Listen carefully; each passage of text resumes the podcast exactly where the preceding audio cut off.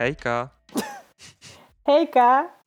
Słuchacie kolejnego odcinka podcastu Comics Menu. Witają was Sergiuszek. I Natalka. Dzisiaj tak słodziutko. Po ostatnim pełnym agresji odcinku, szczególnie z twojej Oj, strony. słuchaj, Uspokoiłaś się? słuchaj. Ja, tak, ale jak przejdziemy do właśnie omawiania tematu dzisiejszego odcinka, to może być różnie. Jestem na to przygotowany. Jeszcze tak a propos y, poprzedniego, to nie wiem, czy się pojawiły wątpliwości wśród naszych słuchaczy, ale na pewno pojawiły się wątpliwości, y, no u ciebie też. Y, U naszych znajomych się pojawiły wątpliwości dotyczące mojego systemu ocen filmów. Ja nigdy tego nie pojmę. pragnę mi to wyjaśnić- już tyle razy. Pragnę wyjaśnić, że moja szóstka to jest y, w skali szkolnej tak na. Ja to tak przeliczam na dwójkę. 5-6 to są takie oceny na skali równe zeru i a w lewo albo w prawo y, są albo pozytywne oceny, albo negatywne oceny. Jak ja to nazywam? Różne odcienie albo smaki gówna to jest 1-5, a pozytywne to 6-10. Więc żeby nie było wątpliwości, mimo tego, że zhejtowałem Morbiusa, wydaje mi się, Dość mocno. y, to nie znaczy, że to szóstka to jest, nie wiem, Jak moja dwójka albo trójka. no coś takiego, tak, tak, tak, tak, pewnie tak. Okej. E, A druga kwestia, zapomniałem ostatnio o tym powiedzieć, nasz fan wysłał nam link, e, Łukasz, znany również jako seksowny faraon, wysłał nam link do zwiastuna nigdy niezrealizowanej produkcji fanowskiej o Spider-Manie. Co ciekawe, to powstało jakieś 10 albo ponad 10 lat temu i pojawił się tam Morbius i wysłał mi zwiastun właśnie, w którym Morbius jest głównym bohaterem i mam wrażenie, że mimo tego... Wygląda ama- lepiej niż tak. film Sony? Mimo, mimo amatorskiego podejścia i niskiego budżetu, no, oglądałbym bardziej to niż prawdziwego Morbiusa. To słuchaj, Sony miało wysoki budżet, ale też wciąż amatorskie podejście.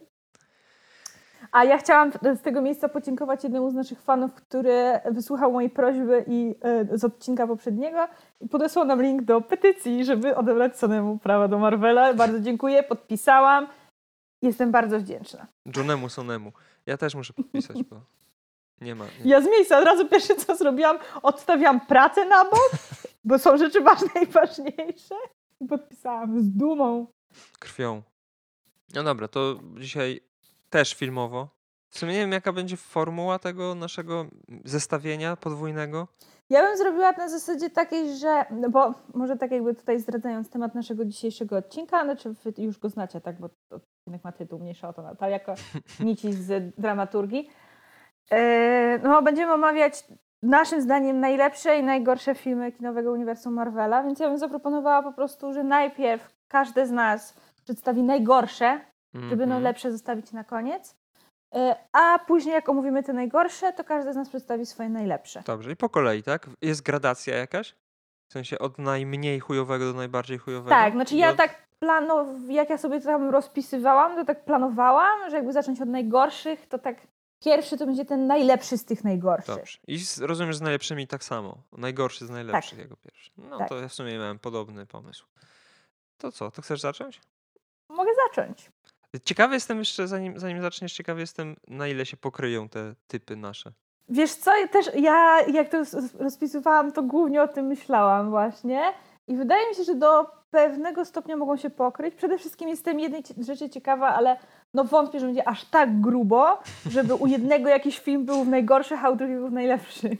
Myślę, że do tego nie, raczej nie dojdzie. No raczej do tego nie dojdzie, chociaż no, jest jeden film, co do którego oboje się bardzo nie zgadzamy, ale no, nie wydaje mi się, żebyś uznał go za aż tak zły, żeby był jednym z najgorszych. Prawdopodobnie wiem, No, o czym mówisz, ale chyba. Nie, znaczy nie będzie na tej liście, jeżeli, jeżeli Do dobrze tego, myślę. zaraz, do tego zaraz dojdziemy, no ale na wstępie, tak jakby chciałam zaznaczyć, że no, nie było się bez problemów. Ustaliliśmy liczbę trzy. Mhm. Trzy najgorsze i trzy najlepsze. A to jest dla mnie zawsze bardzo problematyczne, bo ja nie umiem wybrać tylko trójki. E, to był pierwszy problem. Drugi problem był taki, że jak zaczęłam, tak sobie za- zaczęłam robić taką rozpiskę tych filmów, żeby tam się przyjrzeć, które tam faktycznie były najgorsze, bo z najlepszymi to aż to, to, to, e, już miałam z miejsca swoje typy. Zaczęłam się tak zastanawiać, jakie filmy my w tym momencie traktujemy jako film MCU. No bo jakby nie patrzeć, No Way Home sporo zmienił i czy jednak możemy tutaj zaliczyć e, trylogię Raimiego, czy Spider-Many z Andrew Garfieldem? Teoretycznie Znaczy, ja tak, wyklu- ale, Ale ja je, Ja je No. wykluczyłam, stwierdziłam, że skupię się na tych filmach, które ja poznawałam już stricte jako MCU. Mhm. W sensie po prostu filmy Marvel Studios. Tak, że one były sygnowane od samego początku Marvel Studios, albo ewentualnie, no tam, bo ten początki tam był chyba jednak po prostu Marvel, No tak, coś tak. tam, tak? Iron No, ale Hulk jednak te, które Kevin Feige zawsze Mhm. wlicza do MCU. Chociaż no, Kevin no Feige i- przy X-Men pierwszych też pracował. No dobrze, ale jak on mówił o MCU, to Nie, no jednak tak, tak, zawsze tak, tak. wspomina, że pierwszym filmem MCU był Iron Man, tak? Mhm. No i tak. Miałam problem, mówiąc szczerze. I co do właśnie trzeciego miejsca z najgorszych, czyli ten najlepszy z tych najgorszych, wahałam się między dwiema produkcjami. No. Bo tutaj właśnie pojawiła się kwestia tego, że ja bardzo rozróżniam produkcje, które na przykład ja uważam za najlepsze, a te, które uważam za ulubione. Nie wiem, Mhm. Gra o Tron jest moim ulubionym serialem, ale no nie nazwę go najlepszym serialem, jaki widziałam. Nie jest nawet jeden z pierwszych pięciu najlepszych seriali, jakie widziałam. E, no i podobnie jest też właśnie z najgorszymi. No i tutaj właśnie miałam dwa filmy, z czego jeden, ja, tej, ja tego filmu po prostu nie lubię. Obejrzałam go raz w życiu i to naprawdę dosyć ciężko mi się go oglądało i nigdy w życiu do niego nie wrócę. Ale z drugiej strony nie uważam, żeby on był wybitnie złym filmem. To jest trzeci Iron Man. Mhm. Ja po prostu nie lubię serii o Iron Manie, ja zawsze się do tego otwarcie przyznaję, nawet pierwszego Ironmana nie lubię, chociaż uważam, że jest niezłym filmem. Ale po prostu nie lubię, nudzi, nudzi mnie ta seria, nie ma w niej dla mnie nic ciekawego czy przykuwającego uwagę.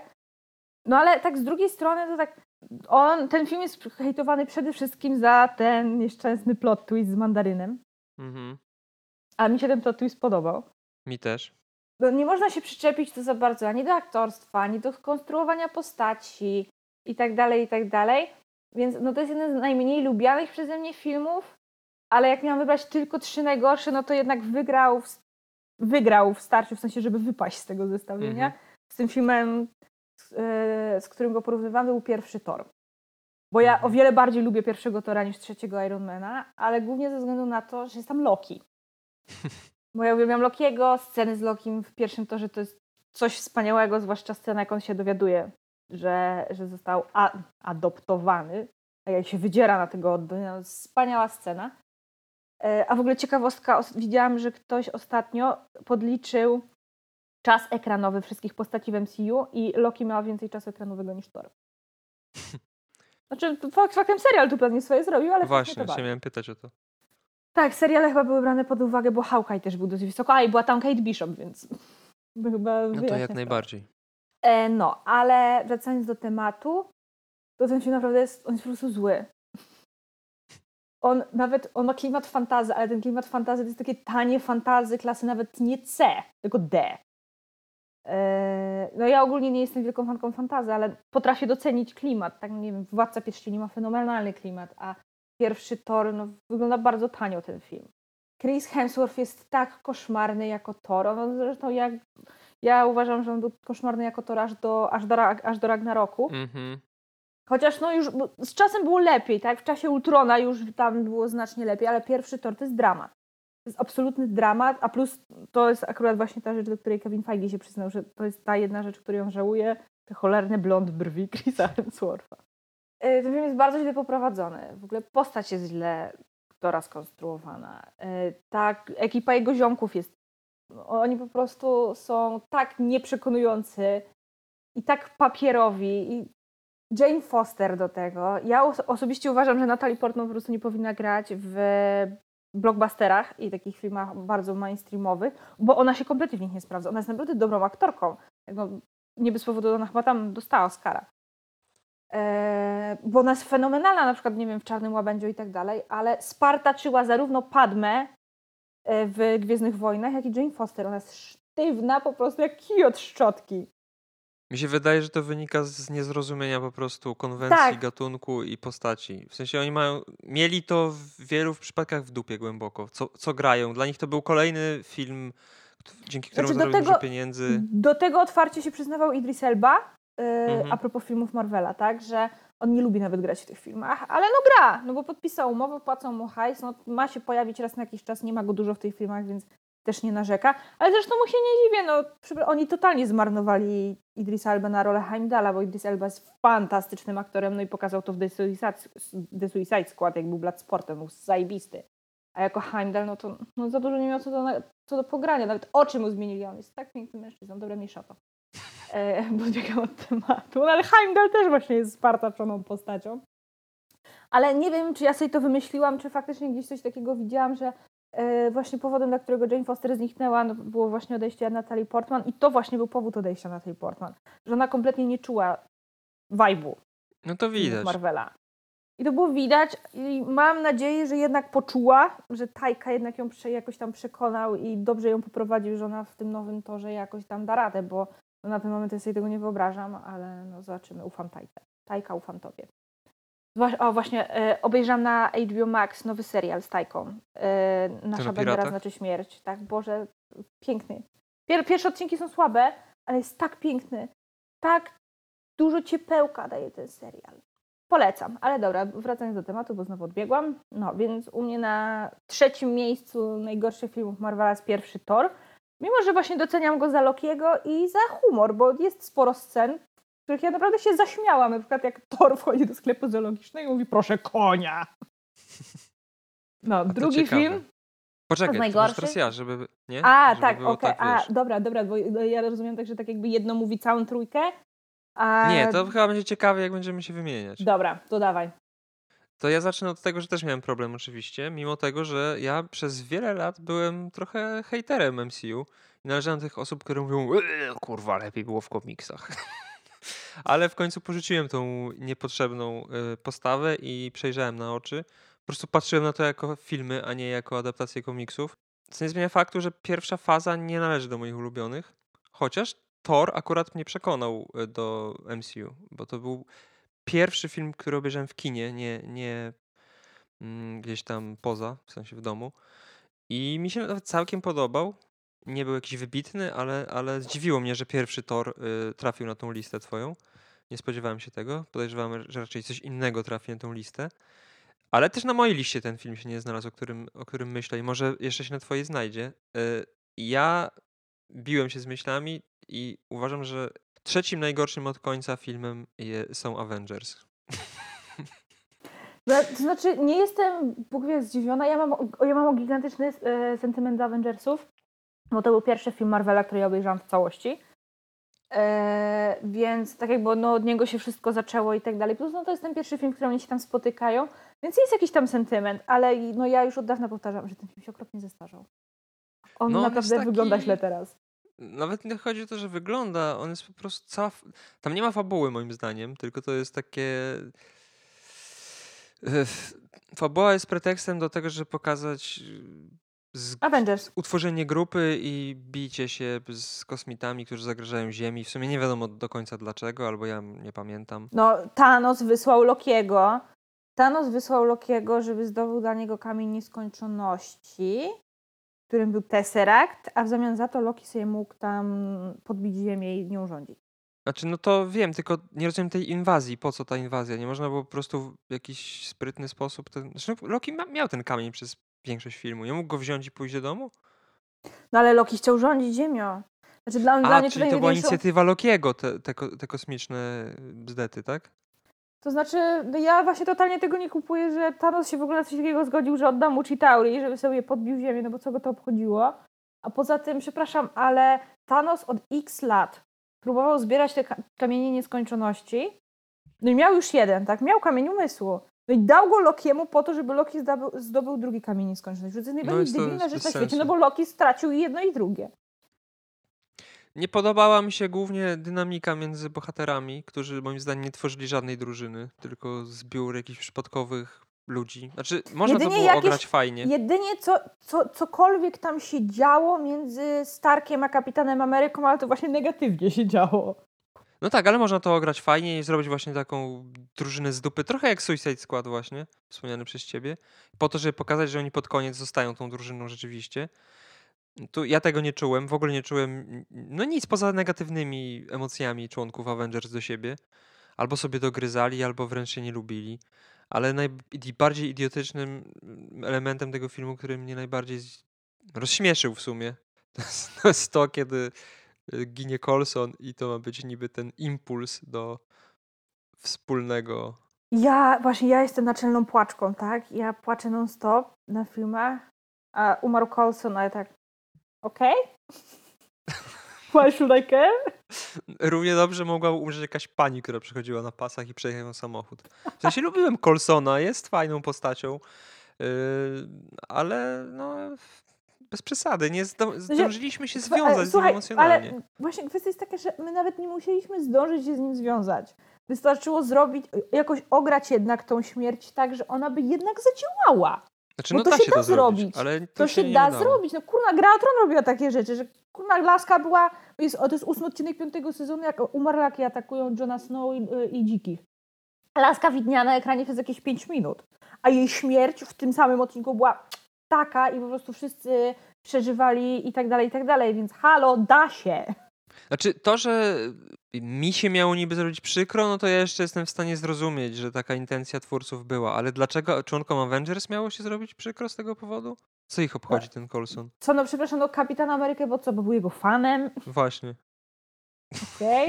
Okay. Dla Tora, który creepy? żyje od tysiąca lat i walczy, walczył w różnych wojnach, sam zabijając ludzi, ma to go obejść? Nie Dokładnie. wiem, no no i przede wszystkim to, że ten film jest bardzo przewidywalny i tak w taki prostacki sposób czerpie z komiksowej tradycji, czyli oczywiście muszą superbohaterowie najpierw ze sobą powalczyć, żeby były widowiskowe pojedynki superbohaterów między sobą, a później oni łączą siły i już wspólnie walczą z większym złem. I ta walka trwa chyba kurwa pół filmu. I mnie takie sceny w sumie nudzą, nie lubię scen walk, paradoksalnie w filmach superbohaterskich, z nielicznymi wyjątkami. Więc ten film był dla mnie takim po prostu blockbusterem typowym dla dwunastoletnich chłopców, którzy pójdą tam do tego kina w lecie statą, a później kupią sobie zabawkę z torem e, w sklepie, jak będą wychodzić z centrum handlowego. No tak, taki, takie wrażenie ten film mnie zrobił i średnio mi się podobał. Nie, żebym ja jakoś, w ogóle właśnie, ja tutaj nie powiedziałem najważniejszego. Najgorsze filmy Marvela i tak są 100 razy lepsze niż na przykład taki Morbius. A no to, to na pewno. Według mnie nie ma żadnego, który bym ocenił negatywnie, y, jednoznacznie negatywnie. No to ja mam takiego jegomościa. Domyślam się, o, o czym mówisz. Y, ale no właśnie, więc ci Avengers to jest tak, takie, tak, tak, taki średni film po prostu. Takie Taki w twojej skali 6 na 10, tak, tak. No. Dla mnie taka będzie pewnie siódemeczka. Ja chyba ja dałam siódemkę chyba mimo wszystko ze względu na sentyment i ja bardzo lubię humor tego filmu. On jest przezabawny, Yy, lubię w nim Lokiego, mimo że Loki został tutaj totalnie sprowadzony do jednowymiarowego, sztampowego złoczyńcy. Chociaż ja i tak uważam, że on jest bardzo sztampowym złoczyńcą. Nigdy nie zrozumiem, dlaczego ludzie uważają go za najlepszego złoczyńcę Marvela. E, no, ale on ma momenty, no i ogólnie jest takim po prostu no, niezłym filmem, tak? No na tle innych filmów Marvela, no nie wypada Bóg wie jak dobrze, ale no ja bym go nie umieściła w swoich, nawet pięciu najgorszych. No i największy plus w sumie, czyli pierwszy taki crossover y, pomiędzy Mhm. seriami filmowymi w historii kina, więc akurat z tego powodu jest on ważny, ale ja nie lubię tego argumentu. Tak jak nie podobała mi się zbytnio Wonder Woman i mówienie, że ale to pierwszy film o kobiecie superbohaterce, no dobrze, no i co z tego? W sensie, wiesz, to nie może przesłaniać jakości filmu, moim zdaniem. Więc doceniam za to, ale nadal nie uważam, że to jest jakieś wybitne dzieło, które To wpływa na to, że lubisz ten film, a nie, że uważasz go za dobry że go doceniam, ale nie osobiście mi się nie musi on wcale podobać. Więc ja już, już, już skończyłem swoją wypowiedź. Dziękuję za tą wypowiedź. No to u mnie drugie miejsce, to tak pozostając w temacie, drugi tor. Monotematycznie. Mm, no to oczywiście ten Czyli... nieszczęsny malekit, ten patos, Boże w tym filmie jest tyle patosu, że on chwilami bardziej przypomina uniwersum DC niż MCU. Oczywiście doceniam za Lokiego. Loki jest zawsze wspaniały, Loki zawsze wnosi bardzo dużo dobra do filmów, w których się pojawia. No ale no nie. Sorry, nie. Znowu jest Jane Foster, która jest jeszcze gorsza niż była w poprzedniej części. Humor jest tragiczny. Jest sztywny, jest nieśmieszny i tak dalej. No jest ten nieszczęsny ja nienawidzę Odyna, bo jakiego nie znoszę. E, no ma momenty tak, no śmierć mamusi mnie poruszyła. Pogrzeb. Pogrzeb matki jest tak piękną sceną. Wizualnie. Bo nie powiem emocjonalnie, bo emocjonalnie mnie wtedy już głównie obchodziło, szczerze powiedziawszy. Ale tak e, wi, wizualnie, no ale powiedziałam, że humor był słaby, no Loki był zabawny, tak? No ale Loki zawsze jest wspaniały, zabawny i w ogóle nawet on jak płacze jest najlepszy, jak się śmieje jest najlepszy, w ogóle wszystko jest najlepsze. Poza serialem. to. Chris Hemsworth dalej jest tragiczny. Dalej mamy sceny, w których Chris Hemsworth świeci klatą, w sumie nie wiadomo z jakiego powodu. I w ogóle jeszcze ta pierwsza połowa filmu, no jeszcze jest tam jak, jak cię mogę, a później już jak akcja się przenosi z Asgardu do Londynu, mm. to ten film jest po prostu tak nudny. Tak. Ale to tak koszmarnie nudny. No i on wygląda naprawdę jakby był zrealizowany, film w stylu DC zrealizowany przez Sony. Ja wciąż mu dałam jakieś tam 5 na 10, tak? E, no ale no uważam, że no, nie jest to dobry film. Nie jest to nawet niezły film. Jest on co najwyżej średni. Chociaż i tak uważam, że jestem zbyt pobłażliwa dla tego filmu. No ale no cóż, no, no nie mogę, bo, bo Loki i się trochę... No oczywiście, że ja już, to już była druga śmierć Lokiego rzekoma. Ja drugi raz się na tym złapałam i byłam jak dziecko. Znaczy, y, mi się podobało w tym filmie, zacznę od pozytywów, y, przede wszystkim rozbudowanie Lokiego jako postaci. Bo moim, moim tak, zdaniem tam, tam, się, tam się na plus zmieniło w porównaniu z pierwszym torem czy z Avengersami. I chyba największym plusem była scena po napisach. Której Dla mnie. przez x lat nie obejrzałam w ogóle. To jest jakiś hit. Ale tak poza tym cały ten film, tak jak mówisz, jest, po pierwsze jest bardzo wtórny w stosunku do Tora 1 i niby coś tam wnosi do tej całej sagi Infinity Stones, ale ogólnie to... Właśnie, jak już przy tym jesteśmy. Niesamowicie mnie to drażni, że w tym scenie, w tym filmie po hamsku jest scena, w której Odyn tłumaczy, i to jest pierwszy chyba raz, jak ktoś w MCU nam tłumaczy te kamienie nieskończoności, tam przynajmniej w miarę patologicznie. I tam jest jak w powiedziane, że eter jest, jako jedyny jest cieczą. A później nagle jest kamieniem. Nikt nie wpadł na to, żeby nam to wytłumaczyć. Ja rozumiem, że on mógł się z jakim, tam, nie wiem, zmienić konsystencję i tak dalej, zmienić się w ciało stałe, ale mogliby nam to przynajmniej wyjaśnić, a nie tak z dupy, a może nie pamiętają. No kurwa pamiętają.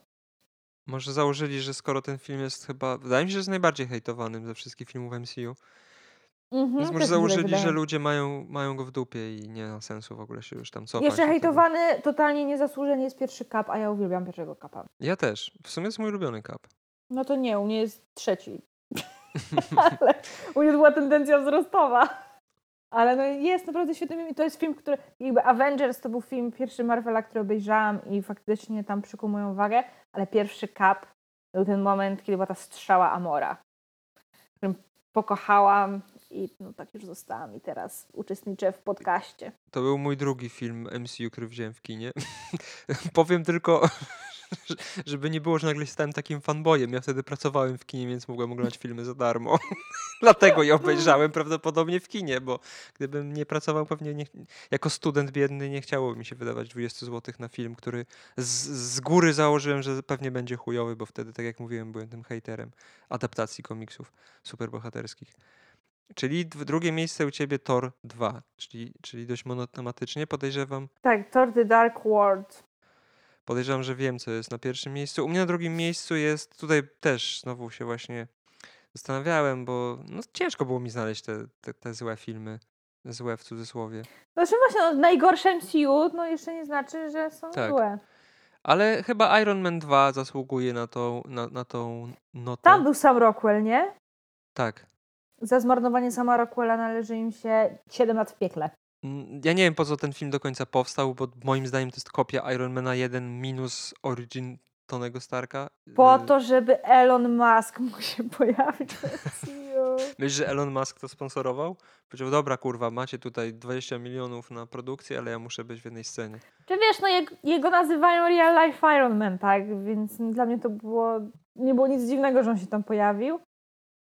Ja że oczywiście, oczywiście, że ci się wtrąciłam, ale już jak się wtrąciłam, to Proszę powiem. Bardzo. Ja z jednej, z jednej strony nie... Ten złoczyńca, ten Whiplash, był taki... Mhm. Trochę mnie denerwuje... Żaden. Znaczy, żaden. No fajna była ta scena, jak on wkroczył na ten tor wyścigowy, to na pewno. Ale mm, ja mam... Strasznie mnie denerwuje to, że twórcy Marvela, ja nie wiem, czy w komisjach też tak jest, ale oni mają jakiś ewidentny problem do tych Starków. Oni non są przedstawieni jako najgorsze ścierwa. Zauważ, że w zasadzie większość złoczyńców, z którymi Tony Stark miał do czynienia, stali się złoczyńcami przez to, że albo on był dla nich chujem, albo jego ojciec był dla nich chujem. Znaczy ogólnie zarówno Tony Stark jest po prostu śmieciem. Znaczy no... w większości Nie mów przypadków. tak, nie mów tak, bo dużo Mówię o komiksowym, tego. a czy filmowego też nie lubię, dlatego miałem Czy no też... ja lubię, ale nie uważam go za wybitnie przyzwoitego człowieka. Znaczy, no pod koniec oczywiście wspaniała przemiana i tak dalej, i tak dalej, ale początkowo to dlatego wolałam Kapa, tak? Bo Stark mi nie po prostu nie pasował na bycie super bohaterem, bo był egoistycznym fiutem i materialistą strasznym. Howard był jeszcze gorszy, bo do tego jeszcze był chujowym ojcem. No, ale po prostu wałkowanie tego w kółko. Co, co, co film, nawet w Antmanie, który nie miał nic wspólnego ze Starkami, musieli nam wcisnąć to. A nie wiem, czy pamiętacie, ale Howard Stark był chujem. Tak pamiętam, aczkolwiek to jest chyba właśnie w dwójce. Ale mogę się mylić, bo możliwe, że to jest jednak w trójce, ale jestem prawie pewna, że to jest w dwójce, aż później to sprawdzę. Jest scena z Marvela, to jest jedna z najbardziej wzruszających dla mnie scen Marvela i za każdym razem, jak ją wspominam, to chce mi się płakać. To jest, tak jakby, bo ja dosyć mocno przeżywałam fakt, że tak jakby Tony zawsze dorastał w cieniu Kapitana Ameryki, ja doskonale rozumiałam, dlaczego nie lubił Kapa początkowo i tak dalej. No ja też jestem wielką fanką Howarda Starka, przez, głównie przez serial Agentka Carter. No i tak jakby no, okazało się, że o, okej, Howard faktycznie to tak przedstawiał, on tak traktował tego Tonego, jakby wolał Kapitana Amerykę, bo on zawsze tego Steve'a tak wychwalał, a Tony nawet nie wiadomo, co by zrobił, nawet jakby Nagrodę Nobla dostał, to było okej, ale mogłoby być lepiej, tak? No i właśnie jest no, to w- wynikało z jego charakteru, z tego, że od Tonego po prostu wymagał bardzo dużo i tak dalej, i tak dalej, ale przechodząc do meritum, jest właśnie jakaś tam scena, gdzie Tony coś tam próbuje rozkminić, już nie pamiętam co tam chodziło, bo mówię, nie, nie przypadam za tymi filmami, więc nie pamiętam za dużo z nich. No i on oglądał właśnie jakieś nagranie swojego ojca. Tam nagrania różne, żeby dojść do tego, czy ojciec wcześniej nad tym pracował, chyba, no coś w ten deseń. No i właśnie trafia na nagranie, na którym e, ten Howard tam właśnie mówi do niego, tak jakby, że nagrał to, nagrał to wideo specjalnie, żeby Tony kiedyś tam odsłuchał, że no teraz nad czymś pracuje, ale ówczesna technologia, obecna technologia mu na to na, nie pozwala na dokończenie tego projektu, ale wie, że Tony kiedyś to skończy, tak? No i właśnie tak jak w Ten pierwiastek jakiś tam, tak? tak, w agentce Carter jest taka scena właśnie jak Howard Stark leci tam samolotem, bo mu wmówili, nie wiem czy to oglądać ten serial, Oglądałem, ale niewiele z niego pamiętam. e, bo mu wmówili, że tam le- znaleźli Steve'a Rogersa, tak, i że on leci tam sprowadzić Steve'a do domu i on rozmawia wtedy z Peggy Carter, no i właśnie mówi, że no, przez to, że żyje z produkcji broni, no to wszystko, co w życiu stworzył, przynosi śmierć, a Steve Rogers jest jedyną dobrą rzeczą, jaką w życiu stworzył. Tak, no bo jakby nie patrzeć, on w dużej mierze pomógł w zaszczepieniu mu tego serum i tak dalej. No i jakby uważam, że Steve Rogers to było takie największe osiągnięcie życiowe Howarda Starka i tak dalej. I nagle właśnie mamy scenę w drugim lub trzecim, ale raczej drugim Iron Manie, właśnie jak on na tym nagraniu mówi do Tonego i w pewnym momencie właśnie tak o Jezu, już mi się płakać zaczyna. Spokojnie. Przepraszam. E, To chyba nie tam- pierwszy raz, jak płaczesz na- w podcaście, nie? Tak. E, On właśnie tam mówi, że, e, że wiem, że jeżeli ja nie dam rady tego dokończyć, to ty to zrobisz. To śmiecie, że because after all my greatest creation is you. To jest tak wzruszające. O Jezu, no i się popłaka. Oh, oh my god. To ty oh my ochłoń, God. a ja tylko powiem, że to nie zmienia faktu, że kurwa Howa- Howard Stark był nadal chujowym ojcem. No nie, on był tra, on nie powiem ci tak. Gorszy od niego, gorsi od niego byli tylko Thanos, Odyn. Odyn zawsze będzie dla mnie numerem jeden pod tym względem, mimo że, to, że Thanos zabił ostatecznie swoją córkę, to jednak Odyn zawsze będzie gorszym ojcem. I Aleksiej. On nie był biologicznym ojcem, ale jednak był ojcem, tak? A Igo macie- ze Strażników Galaktyki? A, no on też. Ale on jakoś mnie jak w- wybitnie nie rozwścieczył, tak? W sensie nie podchodził do tego aż tak emocjonalnie. A Aleksiej i Melina powinni się smażyć w piekle. To prawda. Nienawidzę ich. Nienawidzę ich, kurwa. No. Ale przepraszam, bo oczywiście wyjebałam ci się po chamsku Proszę bardzo. wypowiedź i gadałam przez 15 minut, więc wracając. Iron Man 2 jest tak wtórny, że oglądając ten film i przypominając sobie później wydarzenia z życia Tonego Starka, nie jestem w stanie rozdzielić tych dwóch, w sensie pierwszej części i drugiej części. Ja Nigdy nie wiem. trójki nie potrafię. Nie, no to trójka akurat tak, bo trójka jest inna niż dwie pierwsze części i moim zdaniem najlepsza, Nie mimo tego, że ja w ogóle nie lubię filmów o Iron Manie tak samo jak ty i w ogóle postaci Ironmana, to trójka No jednak... ja postać lubię. Postać jako postać uważam, że jest naprawdę fantastyczną postacią, ale no kontynuuj, bo znowu tak. przerywam. Ale, ale tak, jakby miałbym do wyboru w prawdziwym życiu się z kimś takim zadawać, bądź nie, to bym nie chciał. A to ja totalnie, ja bym się z nim Ale jako dogadała, postać a ze tak, Steve'em Rogersem to nie chuja. Yy, no, więc trójka była fajna przede wszystkim dlatego, że tam przynajmniej tego Tonego Starka mogliśmy widzieć, zobaczyć jako człowieka, a nie jako super bogatego pajaca, który po prostu dzięki pieniądzom został super bohaterem. Znaczy bo trochę tak nie, było. wiesz co, nam właśnie mi się wydaje, tak jakby, okej, jedynka mogła to dość mocno sugerować, ale jednak były takie przebitki, były takie sceny, że jak się faktycznie zagłębiłeś się w miarę tam w tą historię emocjonalnie, no to widać było, że no on dead issues sobie tak No tak, nadrabiał. tak. Yy, I też mi się nie podobało to, że w tej, ta dwójka była tako- takim sequelem, który miał niby rozwijać świat tej postaci i tą postać, ale robił to w taki sposób trochę z dupy. W sensie Jedyne, co tam tak naprawdę totalnie rozwinął, to był jego związek z Pepper. bardziej mi chodziło o wprowadzanie nowych elementów uniwersum, które one były tak od czapy po prostu wprowadzone. Na zasadzie, dobra, to my teraz tutaj przedstawiamy reguły gry po prostu w tym filmie. Nie ma to za bardzo związku. Tak jak teraz filmy Marvela powstają, to często, tak jak na przykład Kapitan Marvel jest najlepszym tego przykładem, w jaki sposób można umiejętnie y, y, łączyć jakieś wątki z filmów, które powstały prawie 10 lat temu, z filmem, który powstał teraz i nie robiąc kurwa, wiesz, Tak, Ka- Kapitan Marvel robi to bardzo umiejętnie, w ogóle ja lubię ten film, naprawdę lubię Jest- ten film. bardzo logicznie wszystko wciśnięte po prostu, mimo. No, no wiesz, można było pójść, zrobić jakiś taki fikoł intelektualny i po prostu pójść na łatwiznę i zrobić naprawdę durne wytłumaczenie pewnych kwestii, które się w tym filmie pojawiają. A w, znaczy, no Iron Man też powstał w kiedy? Ile było tych filmów? Znaczy dużo osób hejtuje strasznie drugą scenę po napisach Kapitan Marvel, czyli Gusa, który wyżygał Tesseract, ale ja uważam, że to jest mega zabawne. Nie, to jest akurat takie właśnie śmie śmieszne. Comedy element relief, no. komediowy. Tak, tak. Iron Man 2 był trzecim filmem, więc też trudno, żeby tutaj jakoś specjalnie ten świat poszerzać w taki sposób, jak robią to teraz filmy. Ale no, po prostu widzę to raczkowanie tych twórców MCU w, tej pierwszej fazie i z tego powodu też te filmy nie są jakieś jakoś wysoko na mojej liście ulubionych filmów. No i po prostu wtórność to jest najgorsza cecha z Iron Man 2. Bo, No bo można ja- było coś ciekawszego tam pokazać. Jak wspomniałeś o trylogiach, no to mimo, że u mnie w trzech najgorszych filmach Marvela są aż dwa tory, to wciąż uważam, że najgorszą trylogią, czy najmniej lubianą przeze mnie trylogią jest trylogia Iron Manie. No, m- u mnie jest dokładnie tak samo. A, no i seksistowska Black Widow przecież, to jest kolejny wielki minus Iron Mana 2. O Boże, tak, zapomniałam o tym. Chryste, ja do końca życia będzie mi się śniła w koszmarach Scarlett Johansson w tej obcisłej kiecce w panterkę, w której czekałam naprawdę, aż wypły, aż tej cycki wypłynął. Jezu, to było straszne. Fakt faktem, no, ta scena, w której ona po raz pierwszy pokazuje swoje moce, ona na tamten czas była fajna. Jak ja ją pierwszy raz oglądałam, to takie, o, ale też bym taka chciała być. Ale teraz jak na nią patrzę, to jest totalnie widać, tak jakby oni to fajnie później ograli w Czarnej Wdowie postacią Jeleny, Mhm. gdzie Jelena się strasznie z tego śmiała. Z tym, że was such a poser, tak? Do superhero landing zawsze robiła. E, I że ona właśnie tak skomentowała, że Natasza za każdym razem jak walczy, to robi to w taki sposób, jakby, jakby non-stop wokół niej były kamery, ludzie by ją widzieli i tak dalej. Ona musi, po prostu każdy ruch, jaki wykonuje, musi robić tak płynnie i tak sexy. I żadna scena tak tego nie pokazuje, jak właśnie ta. Mhm. No więc to, to, jest, to są moje minusy. Nie wiem w sumie jakie są plusy. Ja nie pamiętam za bardzo tego filmu, on był taki. Ja bardzo lubię t- całą, cały ten, całe to otwarcie filmu, jak jest spotkanie chyba w Senacie. Coś w tym stylu, właśnie tam się Mhm. pojawia ten sam Tak, Rockwell tak. i tak dalej, jak Tony Stark po prostu ich wszystkich, no pokazał im, gdzie jest ich miejsce i tak dalej. To była bardzo fajna scena, bardzo zabawna. Bardzo pasowała do Tonego i tak dalej. Ja w ogóle mam tak, że jak ja widzę Tonego Starka, to od razu w głowie słyszę Madonna Material Girl.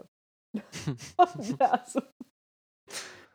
No dobra, to wieńcz swoje top 3 najgorszych filmów MCU. No to ja już, tak jakby jeżeli ktoś słuchał poprzedniego odcinka, to raczej się łatwo było spodziewać, co to będzie. To jest nieszczęsny, kurwa, niesamowity Hulk. Nie no, nie przetłumaczyli tego tak w Polsce. Nie? Chyba. Ja nawet Wydaje nie się, wiem. nie. znaczy, Wydaje mi się, że on był w oryginale zostawiony. Tak, tak, ale ja sobie tak przetłumaczyłam. A, okej. A ja Mhm. myślałam, że chodzi ci o to, że oni totalnie olali i dali polski tytuł Hulk tylko. Nie. Nie, on nigdy nie został przetłumaczony. Nigdy Tak. nie został przetłumaczony. Uwielbiam to, że w ogóle przez x lat nawet Kevin Feige udawał, że ten film nie istnieje. Bo jak mówił o MCU, to kompletnie pomijał ten film, ale w pewnym momencie przestał.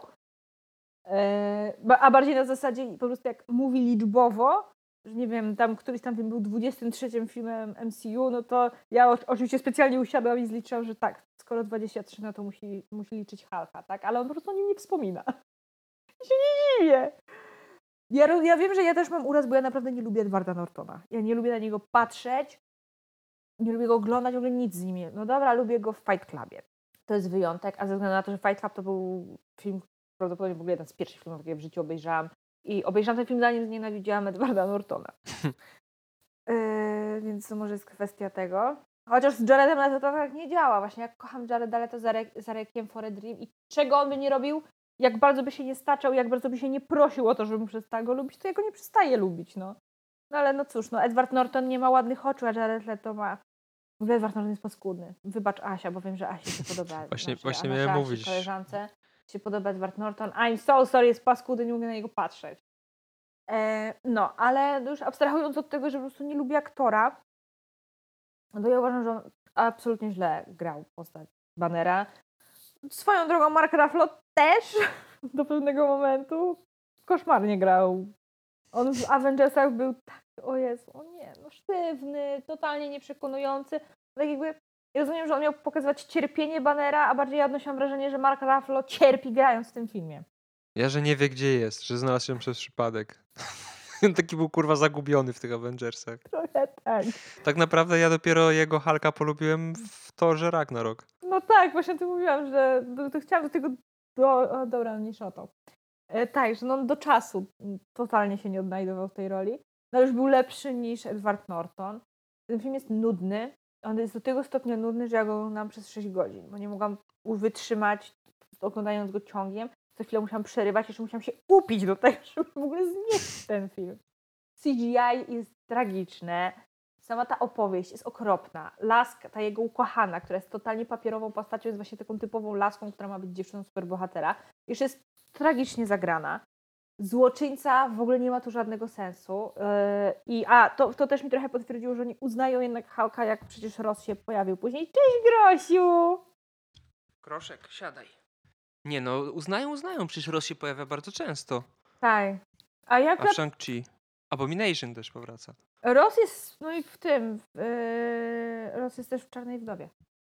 No, ale no ten film jest nudny, ma, on właśnie wygląda już to taki, jak taki totalnie tani film mm, superbohaterski. Ja rozumiem, że on tam jest z 2008 roku, ale wygląda bardziej jakby był z 98.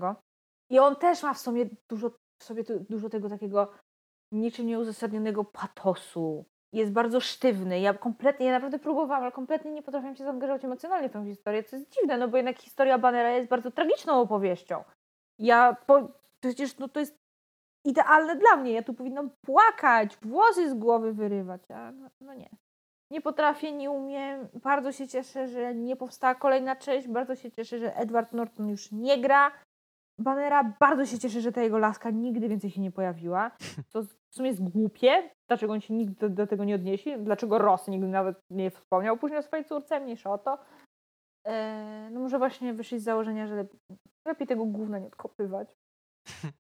I tyle mam do powiedzenia. Jeden na dziesięć. Naprawdę gorszy był tylko Morbius.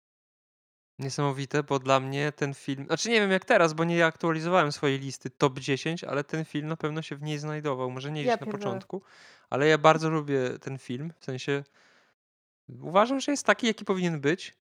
Jak na tamte czasy szczególnie. Teraz może gdyby dzisiaj powstał taki film, to pewnie nie, Słuchaj, ale wtedy... Tłumaczenie go tamtymi czasami jest z drugiej strony, no jednak wiem, w porównaniu wiem. z Iron Manem wygląda jak totalne znaczy, gówno. Wiesz co, bardziej mnie on emocjonalnie zaangażował niż Iron Man, do którego nie miałem żadnego pozytywnego stosunku emocjonalnego i nie kibicowałem Iron Manowi w ogóle w pierwszej części. E, a Hulkowi tak, właśnie przez to, że jest tą postacią tragiczną i moim zdaniem Edward Norton właśnie był idealnym Bruce'em Bannerem. Idealny casting byłby taki. Edward Norton, Edward Norton jako Bruce Banner i Mark Ruffalo jako Hulk. Bo Mark Ruffalo wygląda trochę z twarzy jak małpa i pasuje przez to do Hulka. Nigdy na to nie patrzyłam, ale ja mówię, o Boże, jak ja kocham Marka Ruffalo. To jest jeden z moich ulubionych aktorów Marvela.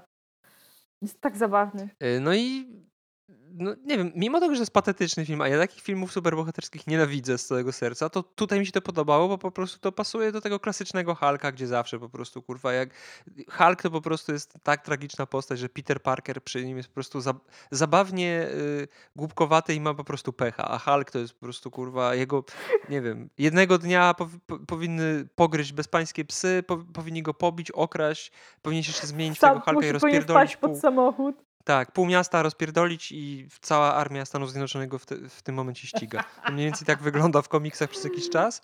Yy, no i plus, plus oczywiście ta nieszczęśliwa miłość do Betty Ross. Yy, A Betty, tak, ja Betty, Betty tak. Tak, Czy ją grała Liv Tyler? Dobrze tak, Liv Tyler, która była kurwa tak tragiczna w tym filmie, że chyba Natalie no, ona była tragiczna. była, tak, ona była, była lepsza. Znaczy ja ogólnie, ja jej nie lubię, ona, ja uważam, że ona ma tak sztywną twarz, i ja nie mówię tu o jakichś botaksach i tak dalej. Ona po prostu ona nie umie grać. Ona nic nie, ona nie umie ruszać tą twarzą nawet. No. Że ona ma takie cielęce spojrzenie. Jedyny film, w którym ją toleruje, to jest Armageddon. Och, jak ja tu płakałam. O Boże, Bruce Willis. Och no.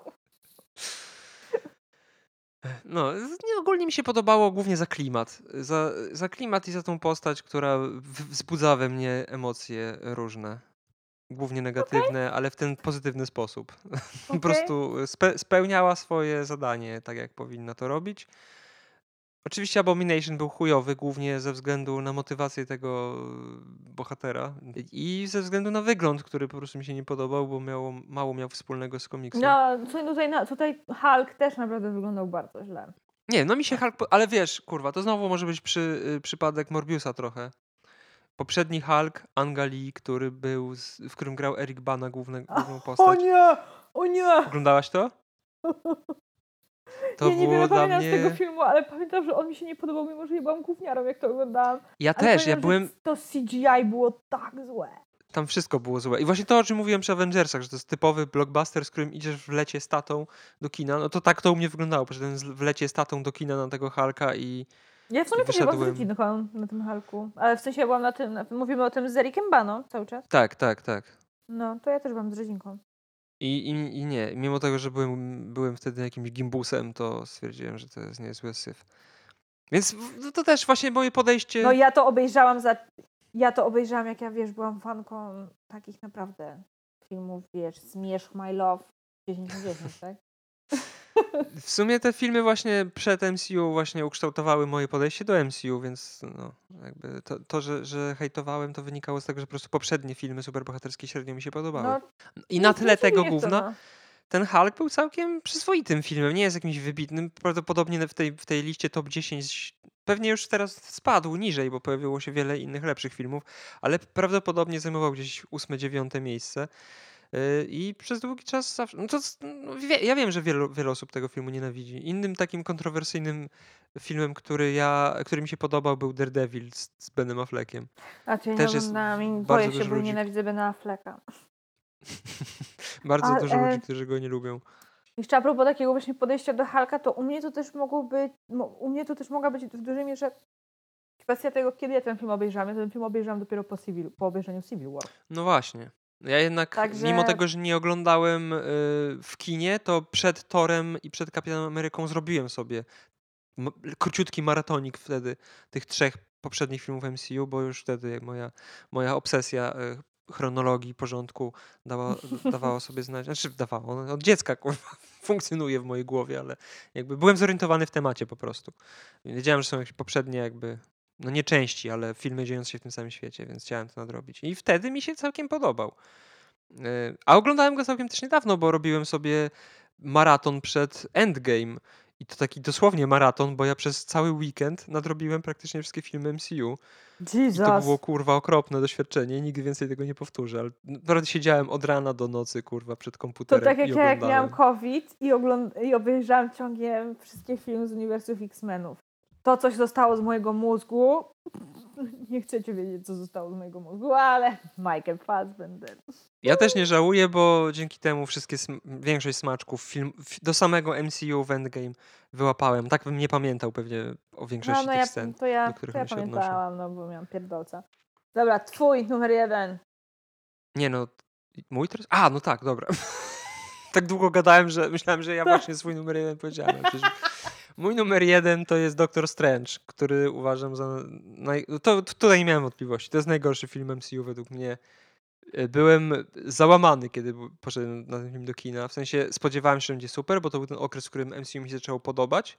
I jakby po Ant-Manie, po Strażnikach Galaktyki zacząłem doceniać to MCU i stwierdziłem, że idą w dobrym kierunku.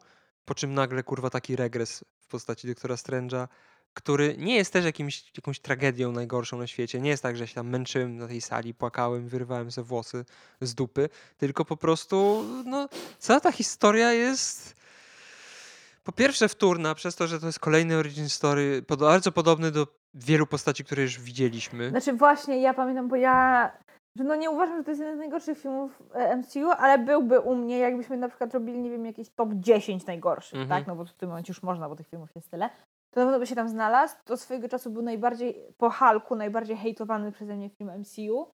On mi się bardzo nie spodobał, jak go obejrzałam. Fakt faktem brałam poprawkę właśnie na to, że w dużej mierze z jakichś tam swoich osobistych pobudek i tak dalej, że ja wtedy jednak bardziej lubiłam to takie przyziemne e, MCU, mhm. klimaty Kapitana Ameryki.